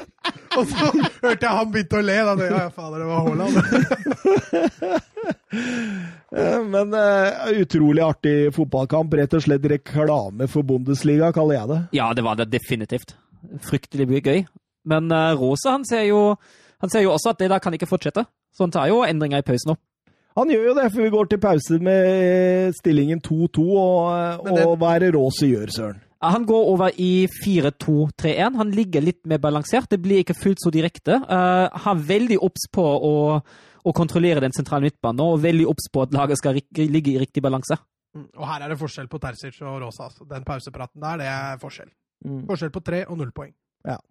Er det. Ja, jeg er helt, helt enig. Jeg tror han burde komme seg opp i Alpene igjen, han der Terzic. Ja, altså, jeg, jeg er ikke imponert. Og få han på snowboardet, så Ja, kan han kjøre seg en Så tur. kan han kjøre seg en tur ja, ned i Alpene eller et eller annet sånt. fordi å lede et av Europas største fotballag, det, det tror jeg ikke han bør gjøre. Nei, det er jeg helt enig i. Nei, Ja, jeg tror også Hvis dette fortsetter, så er det bye-bye med Champions League. Altså. Og Mm. da må Søren sykle. For da blir det Wolfsburg. Da blir det Wolfsburg. Det blir Wolfsburg da. Men ikke klart, bare ligger jo rett i ryggen, da, så vi får se. Jo, jo, men Gladbach, Leipzig, Bayern og Wolfsburg. Ja, fordi min Jeg tar, altså, jeg tar det, jeg. Det har vært en sykkeltur. det, er, det er verdt en sykkeltur. Eh, ja, for det tar bare tre minutter før min eh, lille favoritt Rami Benzebaini eh, Det er en nydelig Han sak! varter opp med en delikatesse. Det er fotballgodteri. Ja, Grensa. ja, absolutt. Eh, verdens mest rotete venstrebekk, men samtidig herlig offensiv. Ja. Ja, og Litt, eh, litt eh, svaret på Serge Aurier. Ja, ja, du kan si det litt sånn. kan de også be be berømme litt eh, det oppspillet der. Ja, Smart Hofmann som trekker inn og får med seg Morey for å skape plass ut, eh, ut til Benzebaini, som han overlapper i. Det er godt. Og Dortmunds forsvar, kollektiv svikt. Brant blir dratt av enkelt der, altså. Ja, men så syns jeg altså dette Dortmund-forsvaret med en firer bak, det, det fungerer ikke. altså At han ikke gjør om på dette. Jeg skjønner ikke det. Mm. For det som Søren sier, når Morey velger å bli med inn der, fordi de kan ikke handle i undertallet i midten, så åpner de jo opp hele, da. Og det presspillet på Benzebaini når han får ta med seg ballen inn i 16-meteren, er jo skandale. Det er jo ingen som vil ta det. Ja. Akanji som uh, fryktelig, i hvert fall. Som sagt, det er kollektivt. Jeg har ikke lyst til å peke ut en enkeltspiller der. Og det, det, det var jo sånn uh, annen gang starta, at eh, Borussia München-Gladbach eh, tok jo Dortmund fullstendig på senga. Og du lurte liksom på når skal Dortmund våkne nå? Ja, sånn i forhold til Leipzig-kampen, ja. Ja, ja. Og, og eh, ja, eh, våkna dem helt, søren? Nei, jeg syns ikke det. Eh, det som Mönchenglattberg gjør, jo, er at de, de legger seg litt dypere. eh, men, og Dortmund kommer seg jo ganske greit fram til siste tredjedel, men da sier det egentlig stopp. Den boksen forsvarer Mönchenglattberg veldig bra i, uh, i andre omgang der. Uh, både, på, både på kant og i selveste boksen kan jo berømme tomålsskåreren Elvedia, som jeg syns gjør en eh, strålende forsvarskamp i, uh, i andre omgang her. Det er gode, de der stopperne. Ja, de er det. Ja, det, er, det er Det er helt utrolig at de har sluppet inn så mange mål, men det er jo spillestilen. er Ja, det, det er spillestil. liksom. Ja, ja. Fordi de, de gutta kan eh, forsvare boks, altså. Ja, men det blir vanskelig når det blir fem mot to. ikke sant?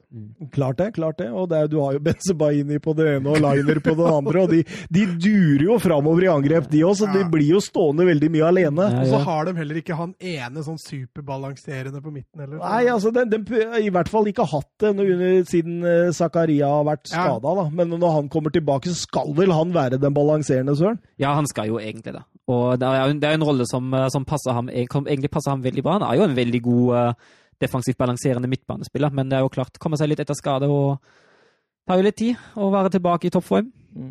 Så syns jeg det Altså, når Dortmund på en måte eh, og er i offensiven, så er det så stor strekk. Jeg føler at det ikke Forsvaret følger på helt. At det mellomrommet der jeg tenkte når Tyram kom inn, at det, nå blir de kontra i hjel, altså. Mm.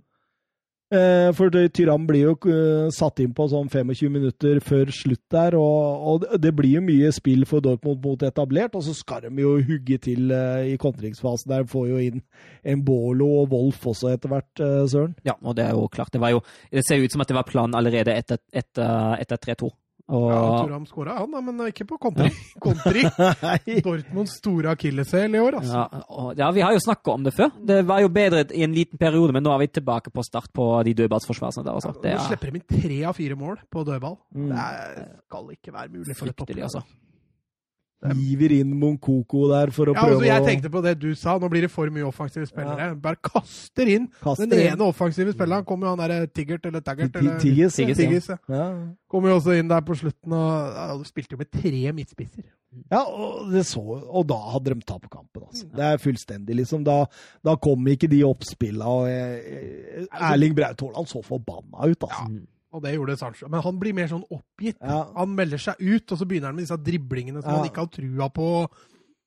Sånn at eh, Sancho er jo ikke en, medgang, er jo ikke en motgangsspiller Men, men, men, men klarer Terzic å kjøre dette utafor Champions League? Nå forsvinner eh, Sancho, da forsvinner Haaland, da forsvinner eh, mange av de som på en måte holder dette laget, altså. Da må de bygge på nytt, og som jeg sa Terzic må vekk. Hvis ikke så blir det Ja, jeg tror det. Jeg tror det. Ja, det, det, nå sitter de jo litt i en, eh, i en klemme Dortmund, for jeg tror, jeg tror ikke de har sånn supertro på Terzic egentlig. Men så har man veldig lyst på Rose fra neste sommer. For De mener jo at det er den treneren som virkelig kan løfte laget. Og jeg er jo enig i det.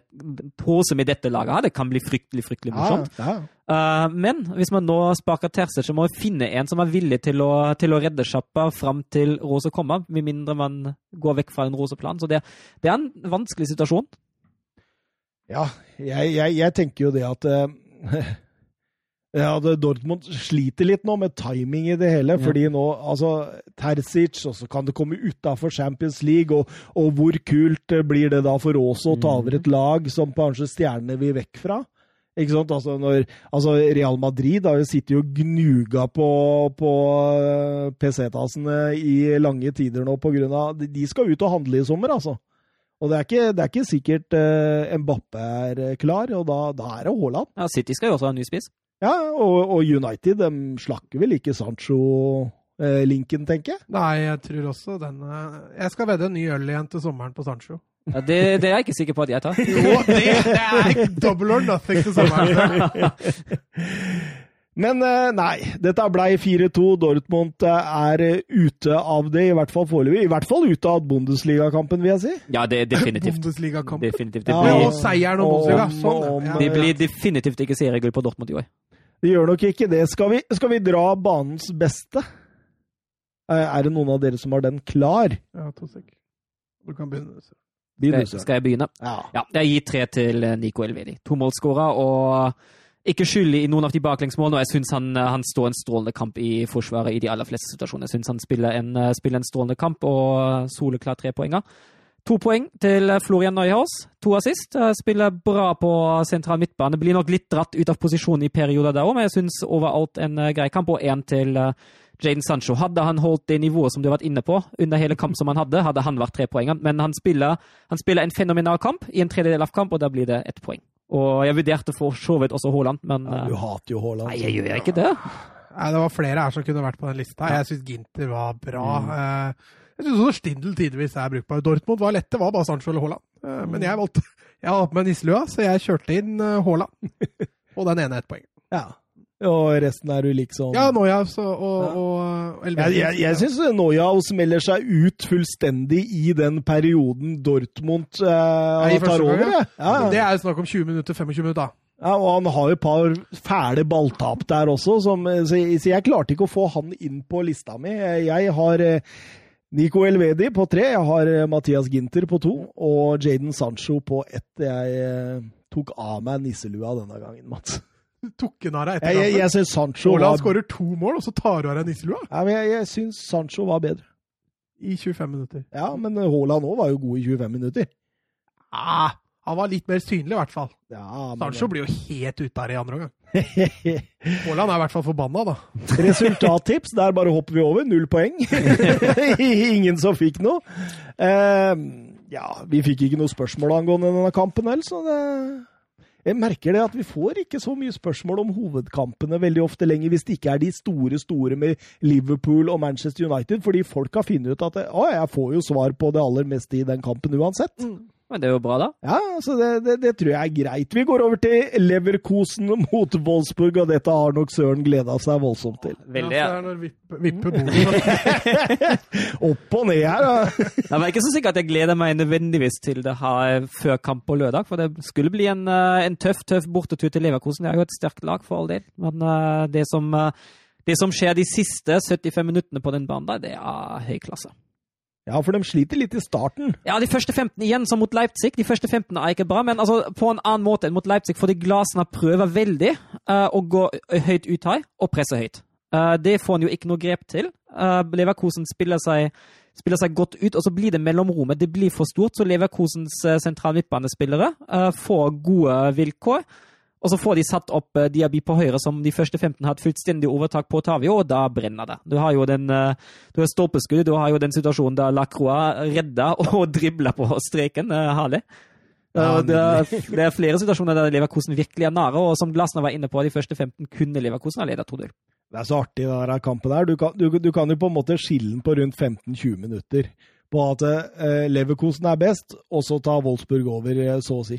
Men så kan, så kan også skille på, på den Otavio Diaby Ja, ja, du kan det. Det er akkurat det, fordi For Diaby har fullstendig tar fullstendig lurven av, eh, av Otavio i starten der. Ja, og du tenker jo at dette kan bli stygt. Ja, det er liksom det du sitter med, men den, den comebacken som Otavio gjør i den kampen, da, det er enormt. Fordi fra, fra, fra 15-20 år ut spiller han en enorm kamp. Han har jo fullstendig kontroll på først Diaby, og, da, og så bytter jo Bosch bytter jo vingene i pausen fordi han sier at Diaby han kommer ingen vei mot Otavio. Da prøver Bailey seg, men det blir jo ikke noe særlig bedre for Bailey der. Otavio har full kontroll på ham òg. Og da skårer Wolfsburg på noe av det, liksom, det første store de har. Ja, de har jo, altså det er jo noen innlegg som kommer, men de blir jo, de blir jo fryktelig upresise, de innleggene i boksen. Uh, og det blir det ikke noe av. Og den uh, første store er jo Jonathan Tah. Uh, kan Hei, si, hei, hei, må du slappe av litt. tusen takk for den. Klarerer, klarerer han i, uh, i Vord Vejos, som spiller han godt ut på venstre til Steffen. og Det er følelse og andakt over det innlegget der. det er det. Uh, jeg syns jo Bako hadde, hadde kanskje en litt svakere. Han var litt usynlig oppe på høyre, men da står han på rett sted til rett tid og setter han inn. Du kan jo si hva du vil også om det forsvarsspillet der òg. Ja. Det markeringsspillet. Ja, ja, Det er greit nok det at Leverkosten er på vei fram, Eh, jeg ser jo den også, men at du ikke greier å kommunisere og ta ut mannen der kjapt nok, det Ja. Da blir du beinhardt straffa, altså. Jeg var imponert over Wolfsburg i denne perioden her. Jeg synes at men, men, men det jeg legger også merke til i forhold til at de har blitt bedre på sessionspill og alt mulig sånn også, jeg syns jeg også enkeltspillere har heva kvaliteten sin ganske mye. Ja, Salik Savas-laget. han er jo kanskje det tydeligste, det det var han tydeligste jeg skulle fram til. Ja, eh, han, eh, han, han var jo han var god forrige sesong, og så virket han rett og slett trøtt og eh, litt brukt for mye i starten av sesongen. Han, eh, han så ut til å ha godt av en pause. Eh, og så ble det mindre med Wolfsburg, det ble mindre Europa League. Eh, det var ikke noen landskamper lenger. Det Landslaget var ferdig. Og etter den, etter den Norge-kampen Han er jo fryktelig dårlig i den kampen mot nødlandslaget. Det er jo kanskje bunnpunktet han har hele sesongen. Det er en fryktelig elendig kamp. Og etter det ble det gradvis bedre, og nå i januar etter jul har han kommet seg på et skikkelig godt nivå igjen. Mm. I hvert fall stort sett. Mm. Det er ikke bare å møte han der. Sondre, Sondre, hva heter han? Sondre Lerche. Nei, han der er på nødlandslaget. Var det ikke det han het? han? Tronstad. Tronstad. Sondre Tronstad. Det er ikke bare å møte han, altså. Det, det, Han fikk tre stjerner, da. ja, det Men, men så er jo, som, som Mats sier, det er, jo, det er jo noe av den grunnen. Og den in game-coachinga Glassene har, uh, han ser jo det her, at det høye presset det er jo et problem nå. Det blir veldig utypisk, men han legger jo laget mye lavere.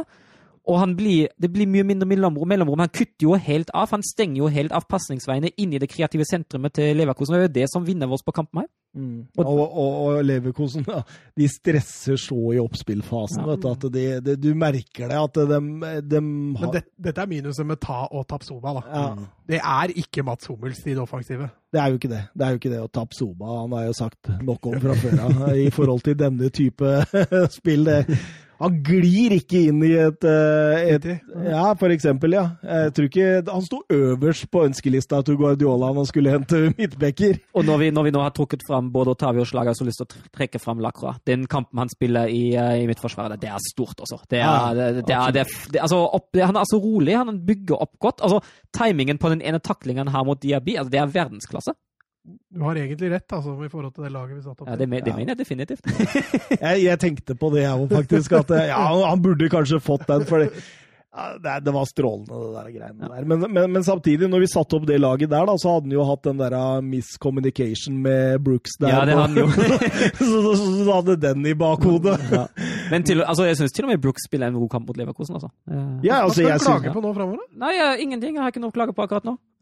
Nei, du, hvis du ikke har noe å klage på, da, så kan du svare på et Twitter-spørsmål du fikk av Didrik Tofte Nilsen. Hvis man ser bort fra de første 20-25, var det en perfekt bortekamp av Wolfsburg? Tror du dette var selve fotballens ABC om hvordan man skal spille borte mot et antall bedre lag? Glasner imponerer meg. Ja, og jeg er 100% enig i det han eh, skriver her, i hvert ord, egentlig. Etter de første 15-20 var dette her fantastisk. Det er akkurat som du trekker ut eh, trekker ut offensivgnisten uh, av et lag som er veldig godt kjent for å være god offensivt. Uh, og det med at Larsen imponerer ham, det kan jeg også istemme. Altså, jeg føler at hva, jeg, hva enn jeg har kritisert ham for, det har han, det har han svart på. Uh, kritiserte ham for å ikke være gode med, med ball. Han uh, kritiserte ham for å ikke være gode i angrepsspillet. Det har han forbedret tydelig. Glasner er fast lytter, da. 99. Så uh, så har jeg kritisert ham for å ikke være god nok in game, og det har han tydelig motbevist de siste kampene. For jeg syns in game-coachinga her mot Leverkosen den er enorm. Den er, den, han treffer riktig på alt. Han treffer riktig på endringer han gjør underveis. Jeg syns han treffer riktig på hvert bytte han gjennomfører. og Det var god mot Leipzig allerede. og det, altså Hvis dette her fortsetter altså Det er virkelig bra. Nå er man på høyden med flere gode lag. Og jeg syns også Glaser som trener han har utviklet seg enormt de siste en og en halv åra. Han var ikke en så god trener da han kom til Wolfsburg, men han har, han har virkelig blitt, uh, blitt god. altså. Mainz RB Leipzig, det var en artig førsteomgang. Ja. Hadde jeg vært Nagelsmann i den kampen, så hadde jeg blitt forbanna. I hvert fall slippe inn sånne pissmål. ja, men altså Begge lag med høyt press og begge altså, Begge var for så vidt ganske direkte. Mainz mer enn uh, RB Leipzig, som ville prøve å kontrollere uh, litt mer. Uh, må jo si 1-0-skåringen, den kanonen av et skudd Ja. Sabitzer har der i forkant, er jo helt uh, enestående. Og nydelig redning da også av, uh, av Zentner. Ja, for han er jo så vidt borti Ja, der. og det, det er viktig. altså Litt uflaks for ham. Det er litt kjedelig at du har en så god redning, og så går han, går han i stanga og returen sitter. Det er jo dumt, men det er ikke hans feil. Og da tenker du ja, dette blir grei skuring for, for RB Leipzig, men uh, nei da. Nei, altså de, de roter jo til sjøl. og det som jo kanskje er, er litt bittert, er at Gulasjian har jo hatt en virkelig god, en god sesong som keeper, men den kampen her, den taper han nesten for Leipzig. Ja, det, det er ikke, jeg er ikke strålende i denne kampen her, Mats. Nei, jeg slipper inn et par dødballmål der òg. Det, altså, det har jeg vært inne på før. Jeg som trener hater å slippe inn på dødball. Altså. Det er det verste som fins. For det første, det er veldig lett da, å finne syndebukker. Ja, sånn sett er det jo greit, men, eh, men eh, det er som jeg har sagt før, altså, det er det mest etablerte forsvaret du får. Altså. Så det, det bør være mulig. I hvert fall for et lag som Leipzig, som også har bra duellspillere. Men, men var ikke dette på en måte muligheten til Mainz å skape litt sånn Hawaii-spill? Altså, s- altså jeg, jeg har jo merka med denne nye treneren Bo Svensson, han danske, at jeg er veldig opptatt av det med intensitet i spillet, og, og vil, er veldig, veldig direkte. Jeg syns det var veldig rart han slapp Mateta til eh, Crystal Palace Ja, det syns jeg òg. i forhold til spillestil. Da. Ja, og det, det hadde heller ikke jeg gjort hvis jeg var nedrykkstrua og fortsatt hadde lyst til å, å prøve å overleve i Bundesliga, men uh, greit nok.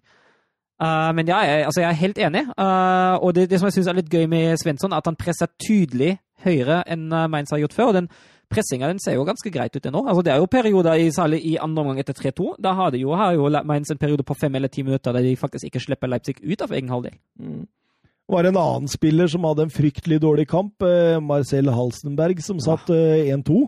Ja, og det var det beste han gjorde i hele kampen. Ja, det var det faktisk.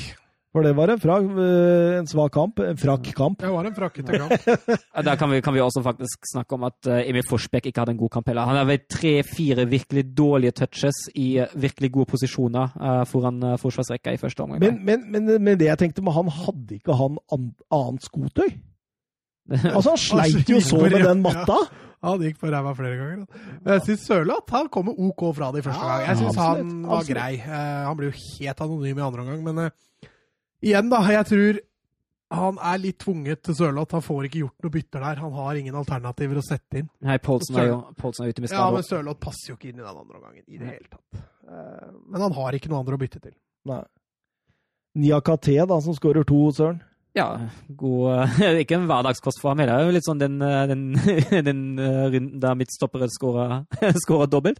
Men eh, altså, de to kunne jo nesten ikke altså Han var riktignok våken og hele pakka, men altså, de kunne jo nesten ikke bomme på.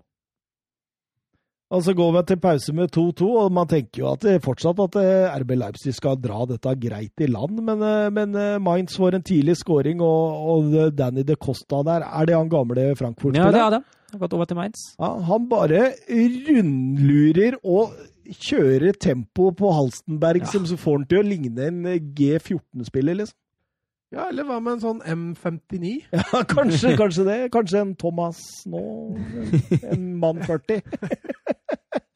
Men hadde ikke, hadde ikke, tidligere Jack Grealish. hadde Ja, ikke Thomas Edvardsen lagt frispark der? Men, men jo, jo, jeg hadde kvesta han så det sang, men, men sannsynligvis tre sekunder etter han la inn. men, men, Det hadde eh, blitt mål uansett. men, men eh, det jeg tenker på han Halstenberg eh, Er han for gammel? Men Han er jo ikke så gikk Nei, han er ikke det. 26-27, er han Det er det? noe sånt. 27-28, tror jeg. Men, men eh, Har vi blitt lurt av han? For jeg har alltid tenkt at han er ganske bra sammen med han Klostermann på den Ja, andre sida der. Men har vi blitt litt lurt av han? Fordi er, er, Eller var dette bare på en måte én kamp, og så Nei, jeg syns jo, jo absolutt han er en, en habil fotballspiller, men han, han blir jo omskolert litt til midtstopper. Jeg syns jo absolutt han egentlig er best i den backrollen når han kan gå framover òg. Og forsvare egen boks eh, som en midtstopper det er kanskje ikke hans eh, største styrke, og i hvert fall ikke i luftrommet. Blir han jo knust av eh, Haaland også. Ja, For det, Mainz kjemper jo seg ganske greit, egentlig, til disse tre poengene utover i annen omgang. Ja, det er, jo, det er jo ikke mye som kommer fra Leipzig, og Mainz blir riktignok spilt ganske lave mot slutten der, men hun står jo godt imot. Og da tror jeg vi har en, eh, en, en av våre faste lyttere som er eh, veldig glad i RB Leipzig. Han, eh, han fortsetter eh, å kjøre spørsmål. Jeg synes spørsmålet mitt står seg i en 4-2-2-2. Hadde RB Leipzig enkelt tatt tre poeng mot Mainz. For så vidt enig med det som ble sagt sist om å pushe utvikling, men det koster en del poeng nå, denne utviklingen, eller? Hva tenker du? Ja, det, han er jo han, Altså, jeg syns jo han Jeg er- skjønner det. Jeg han skjønner jo Jeg syns jeg er inne på noe, altså. Absolutt. Ja. Ja, fordi Men- altså, det, det jeg tenker på at eh, ah, Altså, dette blir jo en avveining du tar som trener, da. Mm. Skal vi på en måte gjøre men, men, men, er ikke dette at man har treningskamper og forberedelser for? Jo, men det er jo akkurat det man har. Det, det er jo da du skal eksperimentere. Skal, altså, jeg, jeg, altså, jeg tror det var en det var, Den her mot, den, her mot Mainz var en god kombinasjon av eh, som, som Glenn er inne på her. eh, eksperimentering. Eh, det er jo ikke helt bra. Eh, kanskje en liten Ja, undervurdering det det av, av er motstander. Og en fryktelig gressmatte. Det må jo sies i tillegg. Altså, Wolfsburg spilte jo på den forrige tirsdag. Det var jo ikke noe, ikke noe bra gressmatte det har. Men jeg, altså, jeg, jeg, jeg ser poenget til Glenn her. Absolutt, jeg gjør det. Spør Emil Forsberg om han likte den gressmatta. Men, men Han finner gress på kroppsdelene sine den dag i dag, tror jeg. Ja, nei, men jeg tenkte, jo, jeg tenkte litt på det med undervurdering òg, fordi det er lettere å eksperimentere i kamper du tror du vinner på forhånd. Det er akkurat det. Og så plutselig møter du på litt, og så blir du famlende litt, sånn som Nagelsmann driver nå. Han er litt sånn fram og tilbake. Byttene gir jo nada. Så, mulig det var eh, Men igjen, da, jeg har ikke så veldig trua på undervurdering på det nivået der, men eh, det virker nesten litt sånn, altså. Eh, en annen kamp hvor det kunne være undervurdering, det var Schalke mot eh, Bayern München. Det, du får det nesten ikke mer topp mot bunn, og Schalke 8-0 undervurderte nok dette, for den tapte stort, altså. og 8-0 i sist oppgjør, eh, Søren. Så, Men jeg tenkte jo kanskje, fordi altså det, det, De første ti minutta så var det ja, faen, Ja, men det har jo blitt litt bedre nå eh, Ja, og den den siste tida. Den dominansen Bayern hadde da de møttes eh, i, i fjor, tidlig i sesongen, første runde, den er jo litt borte. Og det ser man jo også i den kampen. Men er det feil å si at det var ganske jevn første halvtime? Nei, Nei. jeg syns Nei. Schalke kunne fått en scoring òg, jeg. Ja. Det hadde ikke vært ufortjent, det. Nei. O, tar en stor der? Ja, den bør han sette. Midt på keeperen der. Ja. Noyer er, er god, han altså, men den hadde de fleste redda, faktisk. Men Bayern München har en Thomas Muller. Ja, og da, og da går jo Schalke litt i den fella. De la seg spille veldig, veldig lavt. Uh, og det gjorde de i noen perioder, og så glemte de litt når Bayern la ballen tilbake uh, på en spiller som kom møtende, gjerne en back. Da glemte de litt å sette press på ballfører, og da hadde ballfører altfor lang tid når Schalke lå, eh, lå dypt og etablert. Og det er jo det som skjer i den situasjonen nå, at Kimmich har jo null press på seg, og han kan jo nesten sikte i fem minutter på, på, neste, på bakerste stolpe der. Og Kabak står plutselig med både Müller og Lewandowski Ja, og- om å velge. Ja, og det er jo et kjent knep som Bayern gjør. At de, at de overbefolker, overbefolker bakerste stolpe ved innlegg fra, fra korridor. Det er jo ikke noe overraskende, det. Becker rekker ikke fram der, og da står jo 1-0 eh, seg. Men, eh, og, og da, da syns jeg jo Bayern München tar fullstendig over etter Ja. 0-1. Ja, de gjør det. Og særlig når de skårer 0-2, da blir det jo nesten en ren transportetappe. Rein transportetappe, det er jeg helt enig med deg. Satte ikke Leva noen rekorder i den matchen òg? Jo, han er vel uh, første spiller til å skåre 23 etter 18 runder. Og altså han første til å skåre i åtte sammenhengende bortekamper på rappen. Åtte sammen, det var den jeg fikk over. Og så er det ja, vel én til, tror jeg. Jeg husker ikke hva det var. Setter Sette, eh, sette, sette, tre, rekorder for hver kamp. Kan hende jeg tar feil opp, men, ja, men eh, jeg tror også Noyer hadde en rekord i denne kampen. Fordi eh, han gikk forbi eh, Oliver Kahn i antall clean sheets. ja, og det tok jo sin stund. Ja, 197 tror jeg Ja. han har nå. Ja. Um, men, men, men selv om det på en måte De, de går jo ikke opp i liming av Schalke. Jeg, jeg føler, Hvis jeg hadde vært trener for Schalke, da, så føler jeg ok, vi kunne tatt med oss ting fra denne kampen, faktisk. Ja, og det er jeg helt enig i. for altså 0-4 det, det, det, blir jo, det blir jo litt mye. Ja, det, Eh, men det, det er ikke 0-4-kamp. Nei, det er ikke det. Det er akkurat det jeg mener. Det, det De blir litt mye. siste måla kommer jo også sånn Ja. helt på tampen. Ja. Så jeg syns egentlig Schalke altså, Schalke kan gå med hevet hode derfra, i hvert fall. Jeg er helt enig. Kjempetabbe av denne gamle brannkeeperen. Eh. Fehrmann. Ja, men jeg, jeg syns han har en god kamp før den da, altså. Ja, Jeg synes han står bra. Alaba-skåringa. han, han fikk vel ikke én eneste kamp han for Brann, var det ikke så? Nei, fordi det ble jo Pandemien kom. Pandemien kom, ja. Han, hadde jo bare, han ble jo bare lånt ut første halvår til eh, juni. Og da, Ja. ja. Ja. Det er god Brann-karriere. Ja, det får en si. Brann er bra utviklingstegn. Går rett til Schalke etterpå. Det er sterkt å Ja, men han, han er vel en Schalke altså, Han har vel stått der i sto, så å si alle år, har han ikke det? ja han var i Frankfurt òg, tror jeg. Og så Norwich, et lite utlån, mm. som han ble satt på benken stort sett hele sesongen. Ja, og så var jo den, den avgjørelsen å sette den inn igjen var vel, var vel ganske omdiskutert. fordi Rønno jo, spilte jo veldig bra under, under Bormann. var jo kanskje det ene lyspunktet Schalke hadde. Og da Christian Grås kom, gjorde den Færmann Fehrmann til førstevalg igjen. Christian Gross, vet du, nå skal han stramme opp dette her og safe ned i Bundesliga. Jeg kan få til at det ender sånn. Han har jo, kjapt, har jo henta seg en Wolfsburg-spiller, de òg. William Høyrebekken på lån ut sesongen. Det begynner å bli langt opp til trygg plass, i hvert fall. Mm, Det blir det. Det gjør det, men jeg, det, det er et eller annet som sier meg at det, det er ikke kjørt. Nei, det er er, ikke kjørt. altså, det er selvfølgelig ikke kjørt etter halv spillsesong, men uh, nå, hvis Mainz fortsetter den positive trenden de har nå, eh, da har de, uh, har de plutselig fått enda en konkurrent. Fordi Mainz var jo helt død ut i en uh, lang, lang periode her òg. Men det ser ut som at Bård Svensson kanskje kan få nytt liv i det laget der. Det er litt med at Bielefeld overpresterer litt også. Ja. Ja, altså, jeg, jeg, Det ikke- blir flere lag å ta igjen her. altså Det holder liksom ikke. jeg vil jo ikke si at Bielefeld overpresterer, jeg vil si at Schalke og Mainz underpresterer kolossalt. Jo, jo, men, men det at Bielefeld skulle ha 17 poeng etter Ja, ja. 18 kamper, det vil jeg si er å overprestere Ja. litt. altså. Serie A. Ja. Milan mot Atalanta. Storkamp. Jeg gleda meg! Jeg Ja, gleda meg match. voldsomt. Eller det var artig for forhånd. i. Ja, ja, ja. Milan skuffa jo big time. Ja. Mandzukic og Tomori på benk. Eh, Vi fikk i hvert fall se en av dem. Ja, ja.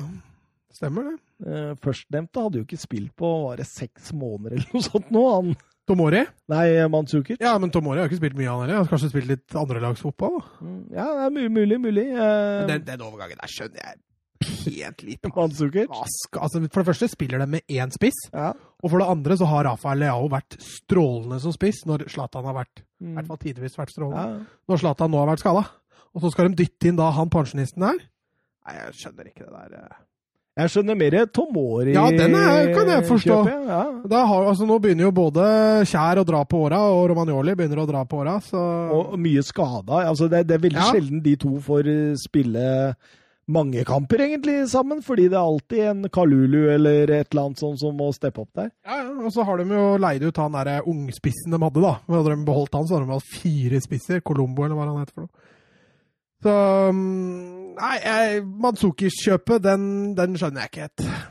Sist eh, AC Milan vant hjemme mot Atalanta, var i januar 2014. Så det, men men, men de, de åpna jo bra, men det tar ikke lang tid før Gasperinis menn egentlig tar over hele sjappa. Det er ikke lenge siden vi skrøt av Christian Romero. Ja. Eh, nå er han jo på igjen. Ja, han er Juventus-eid, han er ikke det? Eh, jo, jeg tror han har bare vært eh, på lån i huet og ræva de siste åra, for å si det sånn. Ja, for nå er snart Altså, nå har Nei, blei vi ikke enige om at de kjøpte den, da? Blei var det det de gjorde? Jo, jeg tror vi, vi tror vi sjekka det. Han kjøpte, de kjøpte Det er i så fall et glimrende kjøp, uh, for det der blir bra. Mm, han er strålende. Og, uh, og nydelig Gåsens lemper eh, på bakerste der. Kalulu sover jo, og Romero sniker seg inn foran og, Mm. Og setter 1-0. og Det var jo ekstremt fortjent Ja. på denne tiden. Ja, det var det. Altså, altså Milan bukker under for presset. Atalanta eier jo den sentrale midtbanen i den kampen. her. Det kom jo ingenting. Altså, I første fem jeg er helt enig, i første fem starta Milan bra, og etter det hadde Atalanta for alle penger. Ja, det er egentlig helt kampen ut. Ja. Ja, det er det. Altså, jeg blei så skuffa over Milan i den kampen her. Eh, Blei litt overraska over den straffesparket, da, men eh, Hvor mye mener Kessie å, slenge den albuen? Ja, det der har blitt dømt alle veier før òg. Mange dommere som bare lar den gå. Ja, jeg ville latt den gå, det tror jeg. Jeg syns det der det er så merkelig ut, men uh, Ilicic får jo, får jo uh, sette 2-0 der, og, og Mandzukic får sin debut etter 70 minutter der. Skal inn og slåss med Zlatan. Skal inn og snu dette. og det resulterer jo bare i at Duvan Zapata setter 3-0. Nei, eh, Atalanta Zapata burde jo hatt et par mål i den matchen. Her da han brenner noen fight. Altså. Eh, spør oss på Twitter eh, har verden noen gang sett en ligaleder som avslutter en toppkamp med en duo som Ibrahimovic og Manzukic på topp. Blir overrasket om Milan kommer topp tre, egentlig. Er det dalende kurve her? Ja, det kan godt. Altså, de har jo vært on fire hele sesongen, men, men disse kampene her hvor de har slitt før, har de jo dratt i land et poeng. Nå taper de 3-0 og får veldig fortjent. De får deng, rett og slett? De får rett og slett juling, eh, og det kan jo være litt alarmerende. Men jeg har fortsatt troa på Milan topp tre. Zlatan han eh, ordner dette, han. Jens Petter Hauge, benken hele matchen. Ja, det, det, jeg tenker jo at det er liksom det som var årsaken. For nå vet Milan-spillerne at hvis de skårer, kommer ikke han først bort. Og da, da blir jo det helt krise for, for Asia. Jeg hadde ikke prestert under sånne omstendigheter, jeg heller. Men, men han har jo fått en del tillit nå, da. Eh, og han har jo ikke imponert sånn supermye. Han har vært helt grei. Ja, han har liksom vært anon Ja. tidvis anonym, Ja. egentlig. Så at han får seg et par kamper på, på benken nå som Zlatan er tilbake, for han kan ikke ta ut Leao. Ja. Eh, og da blir det høyre-venstrekant på Leao, og da blir Hauge andrefiolin. Ja. Od du rykter om å leie den ut òg? Leie den ut, hvordan? Ja, til Tyskland. Her er Leverkosen. Oi, oi, oi. Såpass, ja. Men Skal, eh, skal han leke med Florian Wirtz? jeg tror det ble Ja, det, for det glemte jeg, jeg å si i stad. Eh, tross en dårlig Leverkosen-kamp av Florian Wirtz, altså. ja Hæ? Kjempegøy å se på. Han spiller med en selvtillit som Ja. du skulle tro Du skulle tro han var 27 år der han fløy på banen. Han er 17 år gammel! Han går snart til Chelsea. han. Ja. Eh, Odinese Inter Milan, det var egentlig et langt, langt, langt gjesp, Ja, jeg ble skuffa av Inter i den kampen. Her. Det, altså, det, det, de, det de gjør mot etablert, det er, det er så tamt, altså. Ja, er Ja, fordi de blir så mye etablert, og da sliter de. ja. Altså, Udinese har jo nada i tillegg, da. Altså, det er bare om å gjøre å få dette poenget i, i land, og så greier de det. Men det interoffensivt etablert, som dere sier, det er tynn suppe, altså. Det er Lofeu, vet du. Gerard. Fikk ikke så mye å gjøre av det. Nei, men de har jo noen ballspillere i Odinese med Rodrigo de Paul og, og, og han godeste Delofeo og Pereira, ikke minst. Jakob Brun Larsen. Ja. Men må jo hylle kanskje Mosso, han eh, keeperen. Strålende. Han Han redder har vi hylla litt før òg. Ja, men han er, han er en av Serie A's beste. Ja, han er det. Absolutt meget, meget god, men eh, Conte oppsummerer greit mot slutten med å få rødt kort. Dette var Ja, det var liksom samme. Milan taper, og, og Inter spiller uavgjort, mens eh, lagene bak eh, fyrer av. Så ja, Napoli røyk vel på en stygg smell, men eh, Atalanta fikk poeng, Juventus fikk poeng, Roma tok seieren, Lazio tok seieren. Så det var egentlig bare Napoli som snubla de bak, så det ble litt jevnere. Ja, for vi skal over til siste kampen vår, Juventus-Bologna. Det var jo en gyllen sjanse for Juventus, da, Søren, Ja. Og den tok de jo, eh, og det tok de, tok de ganske greit òg. Det var jo egentlig enveiskjøring. da. Jeg syns jo Juventus Ja, er utenom eh, i starten Ja. på annen omgang. Jo, Da- det er da der kommer Bologna jeg- litt, men, eh, men utenom det, altså jeg synes egentlig, altså Med, med 2-0 av den kampen, kampen Sila, og at den kampen blir, blir Sila så seint, det er jo Altså, det er jo egentlig Juventus sin egen feil. De har jo nok sjanse til å avfyre dette allerede i første omgang. Jeg syns eh, i starten på andre Jeg syns eh, Juventus sliter voldsomt da. Da, da. da kommer Orselini på ball, Sansone på ball og Musa Barov. Og de skaper mye problemer. Altså, det kunne fort vært en utligning der, altså. Det hadde ikke vært ufortjent heller Nei. på det tidspunktet, Nei, nei, for da kjører de, altså. Men, eh, men Juventus drar i land, og Weston Kenny, han har jo blitt den målskåreren. er spesielt på dødball, da. Ja. Men Arturo er vel litt heldig når han setter inn skåringa der. Jeg lurte om det blir selvmål eller ikke, men han hadde vel rett. jeg syns ikke Juve ser bra ut, altså. Nei, altså, det er noe som mangler. Det er litt sånn Lampard. Det blei for romantisk, dette her. Mm. eh, I overkant. Men Pirlo er verre. For dette her blir ikke seriegull. Nei, det, dette kommer ikke til å bli seriegull, og det kommer kanskje ikke til å bli topp tre heller. Nei, men topp fire må han. Ellers så er han ferdig. Og det, det bør han klare. På, selv på regnværsdager. Ja, hvorfor tror du ikke han klarer topp tre? Vet, Men, men, men hva tror du skjer med Pirlo hvis han får La oss si han får fjerdeplass. Hva tror du skjer da? Juventus har jo, har jo kutta hodet av trenere for mindre. Ja, det er det jeg tenker på. Jeg tror også han klarer tredje, da. Eh, Men det er ikke så mye bedre enn fjerde, selvfølgelig. Eh, Men her er vi litt igjen til det romantiske. da. Pirlo er, ble, rakk jo å bli en legende, selv om han ikke var der sånn voldsomt lenge. Jeg tror det sitter litt ekstra inne og fyker han. altså. Ja. Jeg håper det. um, Twitter. Anders Hansen. Kan dere sette opp en drømme-Premier League? De feteste lagene inn og de kjedeligste ut.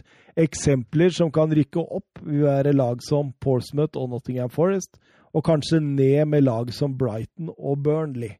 Det, det er litt morsomt, for da kan vi sette opp de absolutt de der laga vi husker fra barndommen som var med å prege oss. Hva er Portsmouth med der, da? Ja, men det, det, du har jo noen nydelige Portsmouth-årganger med den der Ja, men Harry Redknapp gjorde Ja. jo den klubben, da. Men det var jo veldig gøy. Ja, Det var veldig morsomt på Fratton Park der, og full stemning og jubel. Og, og måten de spilte på med Nico Kranjčar var Peter der. Crouch, og, ja, det, det, var, jo, det var strålende og morsomt. Så, så, så jeg har gode Portsmouth eh, Det var vel der også han godeste Kevin Prince Boateng drev her Ja, i, ja. i sin tid. Andres D'Alessandro var også der. ja, stemmer, stemmer. Så det, det, det var jo et artig lag. Jo, jo, jo Så- for all del. Men det er ikke ja. Nei, jeg kan slenge meg på den. Jeg vil i hvert fall ha Blackburn opp igjen.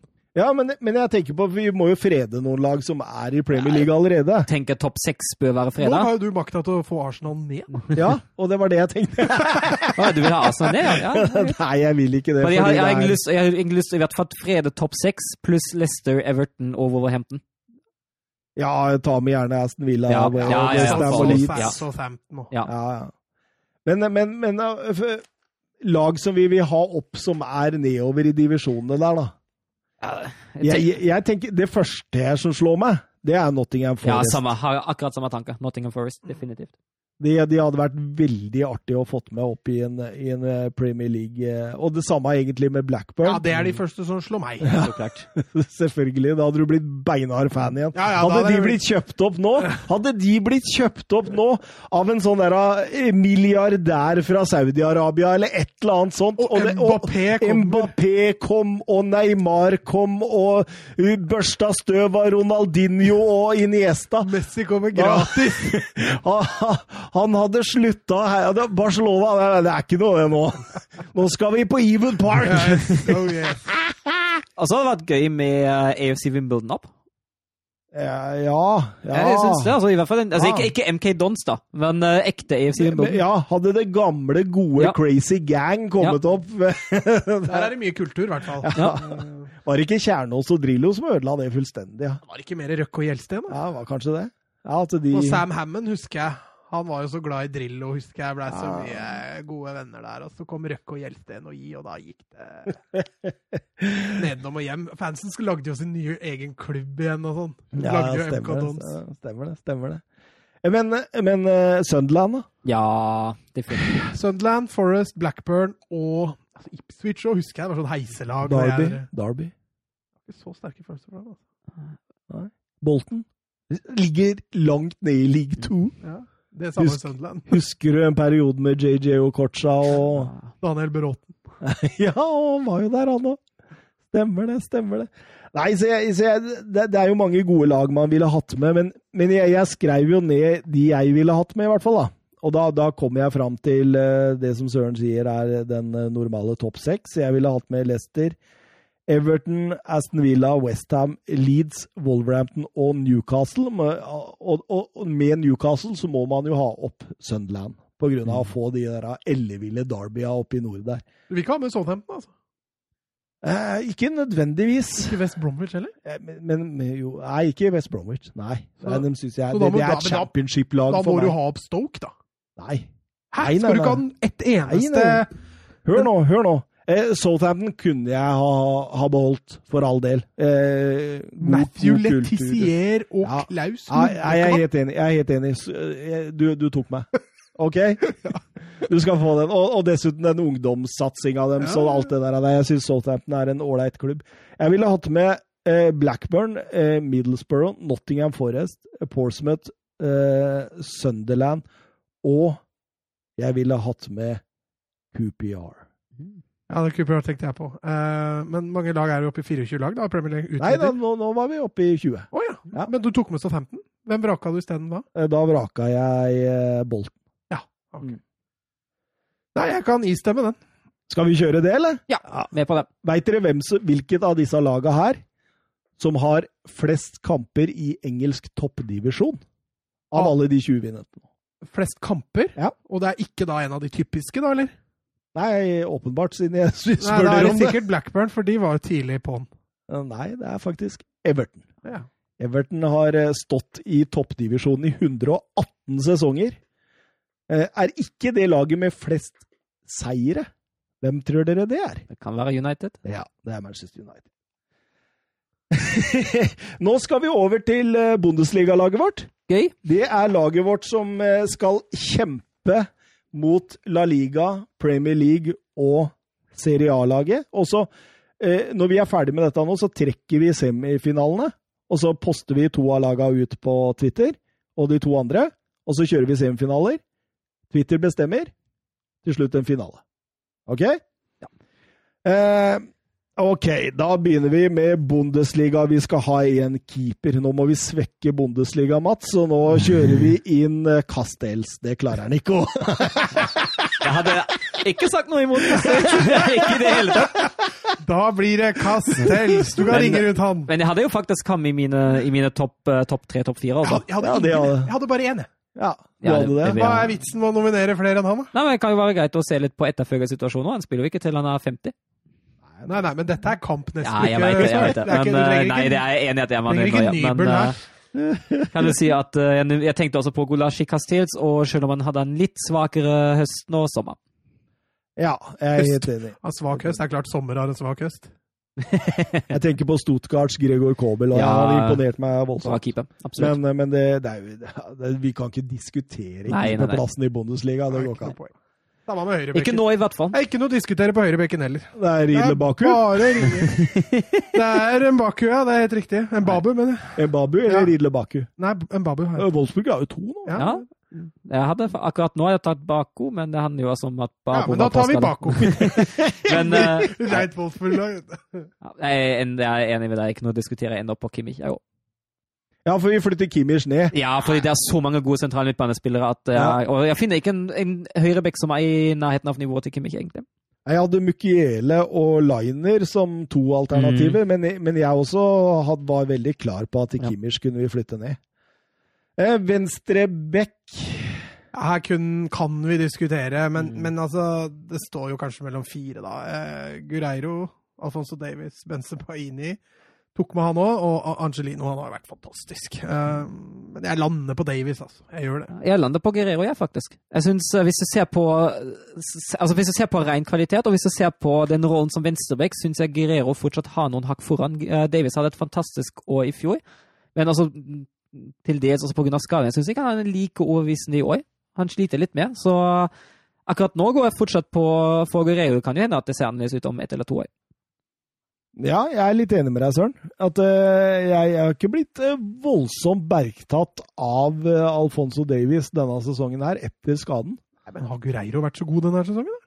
Jeg synes, men jeg syns Guerrero har Bedre som wingback, han. Ja, han er det, men jeg syns Guerrero har generelt prestert på høyere nivå lenger enn Davies. Og da lar jeg heller tvilen komme til gode til Guerrero, hvis, jeg, hvis vi bare går på ren kvalitet, altså. Ja, men, men også, toppnivået til Davies må vi jo være enige om at det er høyere enn Guerrero sitt. Ja, det det er jeg enig i. Og det er greit nok det at eh, Gureiro kanskje har prestert over litt, men Davis, hvor gammel er han da? 14? Nå er 20. Så må jo ha litt tid. Men jeg, jeg skal ikke være vrang jeg, det, hvis dere mener begge Nei, men For meg så er det 50-50, så dere, altså, det, jeg klarer ikke å skille dem, faktisk. For å være helt på ærlig. Davis. Jeg står på Gureiro, jeg. Så, så går det på deg, Thomas. ja, men da sa jeg jo at jeg var enig med Søren først, så da, så da kjører vi Rafael Guerreiro. Herregud, det blir bare sånn kokoslag der. Synd det, Søren. Bundesliga taper dette. Hæ? Eh, stopperplassen, hva har vi å komme med? Der? Her kan det bli Det er bare å ringe rundt Jonathan Ta, så kan vi diskutere sistemann. Nei, altså, jeg hadde Det var jo det var flere å, å ta med her. Jeg syns jo det er, det er brukbare stopper i Bundesliga over hele linja. Eh, jeg syns de som jeg akkurat nå hadde tatt ren seg... Ikke si opp av Mekano nå. Nei, jeg gjør ikke det. Eh, den, som, var- den som var Hvem nærmest som er bedre enn han? Mathias Ginter og Alaba. Ja, ja, okay, Ja, det er akkurat de to Ginter, Ginter, den legger Jeg har akkurat de samme. Jeg har Alaba og Ginter, jeg òg. Ja, Alaba? det har jeg òg. Alaba og Ginter.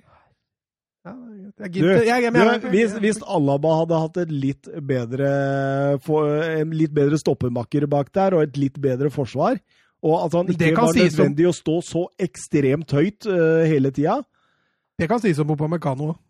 Ja, Opamecano er mye mer eh, uferdig. Han er mye mer han er dårligere med ball. Han eh, Ja, altså Jeg, jeg syns Alaba er en klasse bedre enn Opamecano. Ok, men da er jeg i undertall uansett. Ja, ja, du er det. Du er det.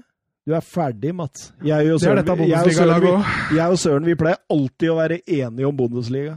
Ja, i, i, I det siste, absolutt. Ja, Ja. det er helt vilt, faktisk. Eh, høyre kant, da. Hva kan vi gi her? Ja, det er vel bare å sette ring rundt Jadon Sancho, egentlig. Ja, det er eh, Gnabry, Fondo, Bailey, Bailey Leon Ba- Bailey er de andre utfordrerne mine. Ja. Kan dytte Olmo, kanskje, men eh, nei, det er ingen som kommer. Nei. Nei. Av Jadon Sancho.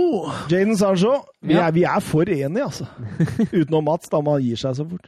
Venstrekant. Ja, Da har jeg gjort noe fiffig. Da har jeg trukket ut uh, Thomas Mulla. Jeg syns vi finner to veldig gode sentrale midtbanespillere også uten Thomas Mulla. Og jeg finner ikke en venstrekant som er i, på samme nivå. Altså, det er jo noen der å ta hvis det går på kvalitet. Det er jo Komå, Turam, Reina for all del, men jeg syns Mulla uh, på venstre er, er litt sjarm. Istemmes. Jeg hadde Sabuslai. Nei, det hadde du ikke! Du har ikke spilt et minutt i Bundesliga! Nei, så useriøse kan vi ikke være. Nei, men det er helt greit. Jeg, det, jeg, jeg, jeg kjøper Hvor hadde du Müller henne? Jeg hadde ikke Jeg hadde Sabuslai. Og du ler av meg med Opamecano. Kjøre Saboslai istedenfor Müller. Jeg fører var, vet du, for om et år så er, kommer alle til Ja, å ja, snakke om men da burde du i hvert fall tatt Opamecano, for Alaba er jo ferdig. Han skal jo til Real Madrid, han. Han er ikke ferdig. Han skal jo til Real Madrid. Kommer jo ikke på dette laget neste år, han. Nei, ikke på det. Nei, da er På, han kom på La er Liga, ferdig. kom på La Liga Nei, det gjør de ikke. eh, Sentral midt, der var det Mias. Jo, der hadde jeg Müller, faktisk. Ja, okay. Så nå må jeg omstrukturere. Ja, men Hadde hun som en av de to? Jeg hadde Müller og Sabitzer. Ja, Sabitzer har jeg jo. Og så har jeg per Nei, jeg skal ikke si det igjen. jeg har satt opp Sabitzer ved siden av Goretzka, jeg. Per... Hva var det? Eller skal vi si paret Sabitzer ved Goretzka? Lovskeil til Sabitzer og, og, og Goretzka. Ja, ikke slager, altså. Vil du ikke, Han har jo vært så god i det siste, Søren. Jeg syns Slager er jo en fantastisk spiller, men jeg er ikke helt på det nivået. Også. Da syns jeg, da synes jeg også Helen Neuhaus er nærmere. Ja, Orel Mangala hadde jeg, lyst, jeg, hadde, jeg hadde lyst til å få inn han. da. Jeg, jeg digger han. Han er helt rå. og Han kommer til å gå til en større klubb snart, det er jeg ganske sikker på. Men det, men det er vanskelig å si. Hvis du tar Müller ut på venstre, så er det vanskelig å si imot Sabitzer og Goretzka, er det ikke det? Jo, det er akkurat de to jeg har. Det er to veldig like typer, da. Ja, det er to veldig like typer, det er det ingen tvil om. Men begge to er fine og balanserte. da. Hvem er best? Hvis jeg skulle hatt en til Barca Mm. oh, Den er tøff. Ja, den er tøff. Begge hadde jo passa som indreløpere òg, tror jeg. Ja da, absolutt. boks, altså, Goretzka er litt mer i boks, da. Sabitzer er litt mer sånn utafor boks. Sabitzer er som er sånn Litt mer byggende, litt Ja. mer eh, Frenkie de Jong. Ja, jeg tror kanskje jeg har tatt en Goretzka. Er litt sånn Mm. atypisk. For å få inn den der mi- Altså den mangelen på Vidal-løpa inn i boks. Ja, nå har jo de Jong kommet seg veldig, da. Ja, absolutt. Men, eh, ja, nei, jeg tror kanskje jeg hadde tatt en Goretzka, altså.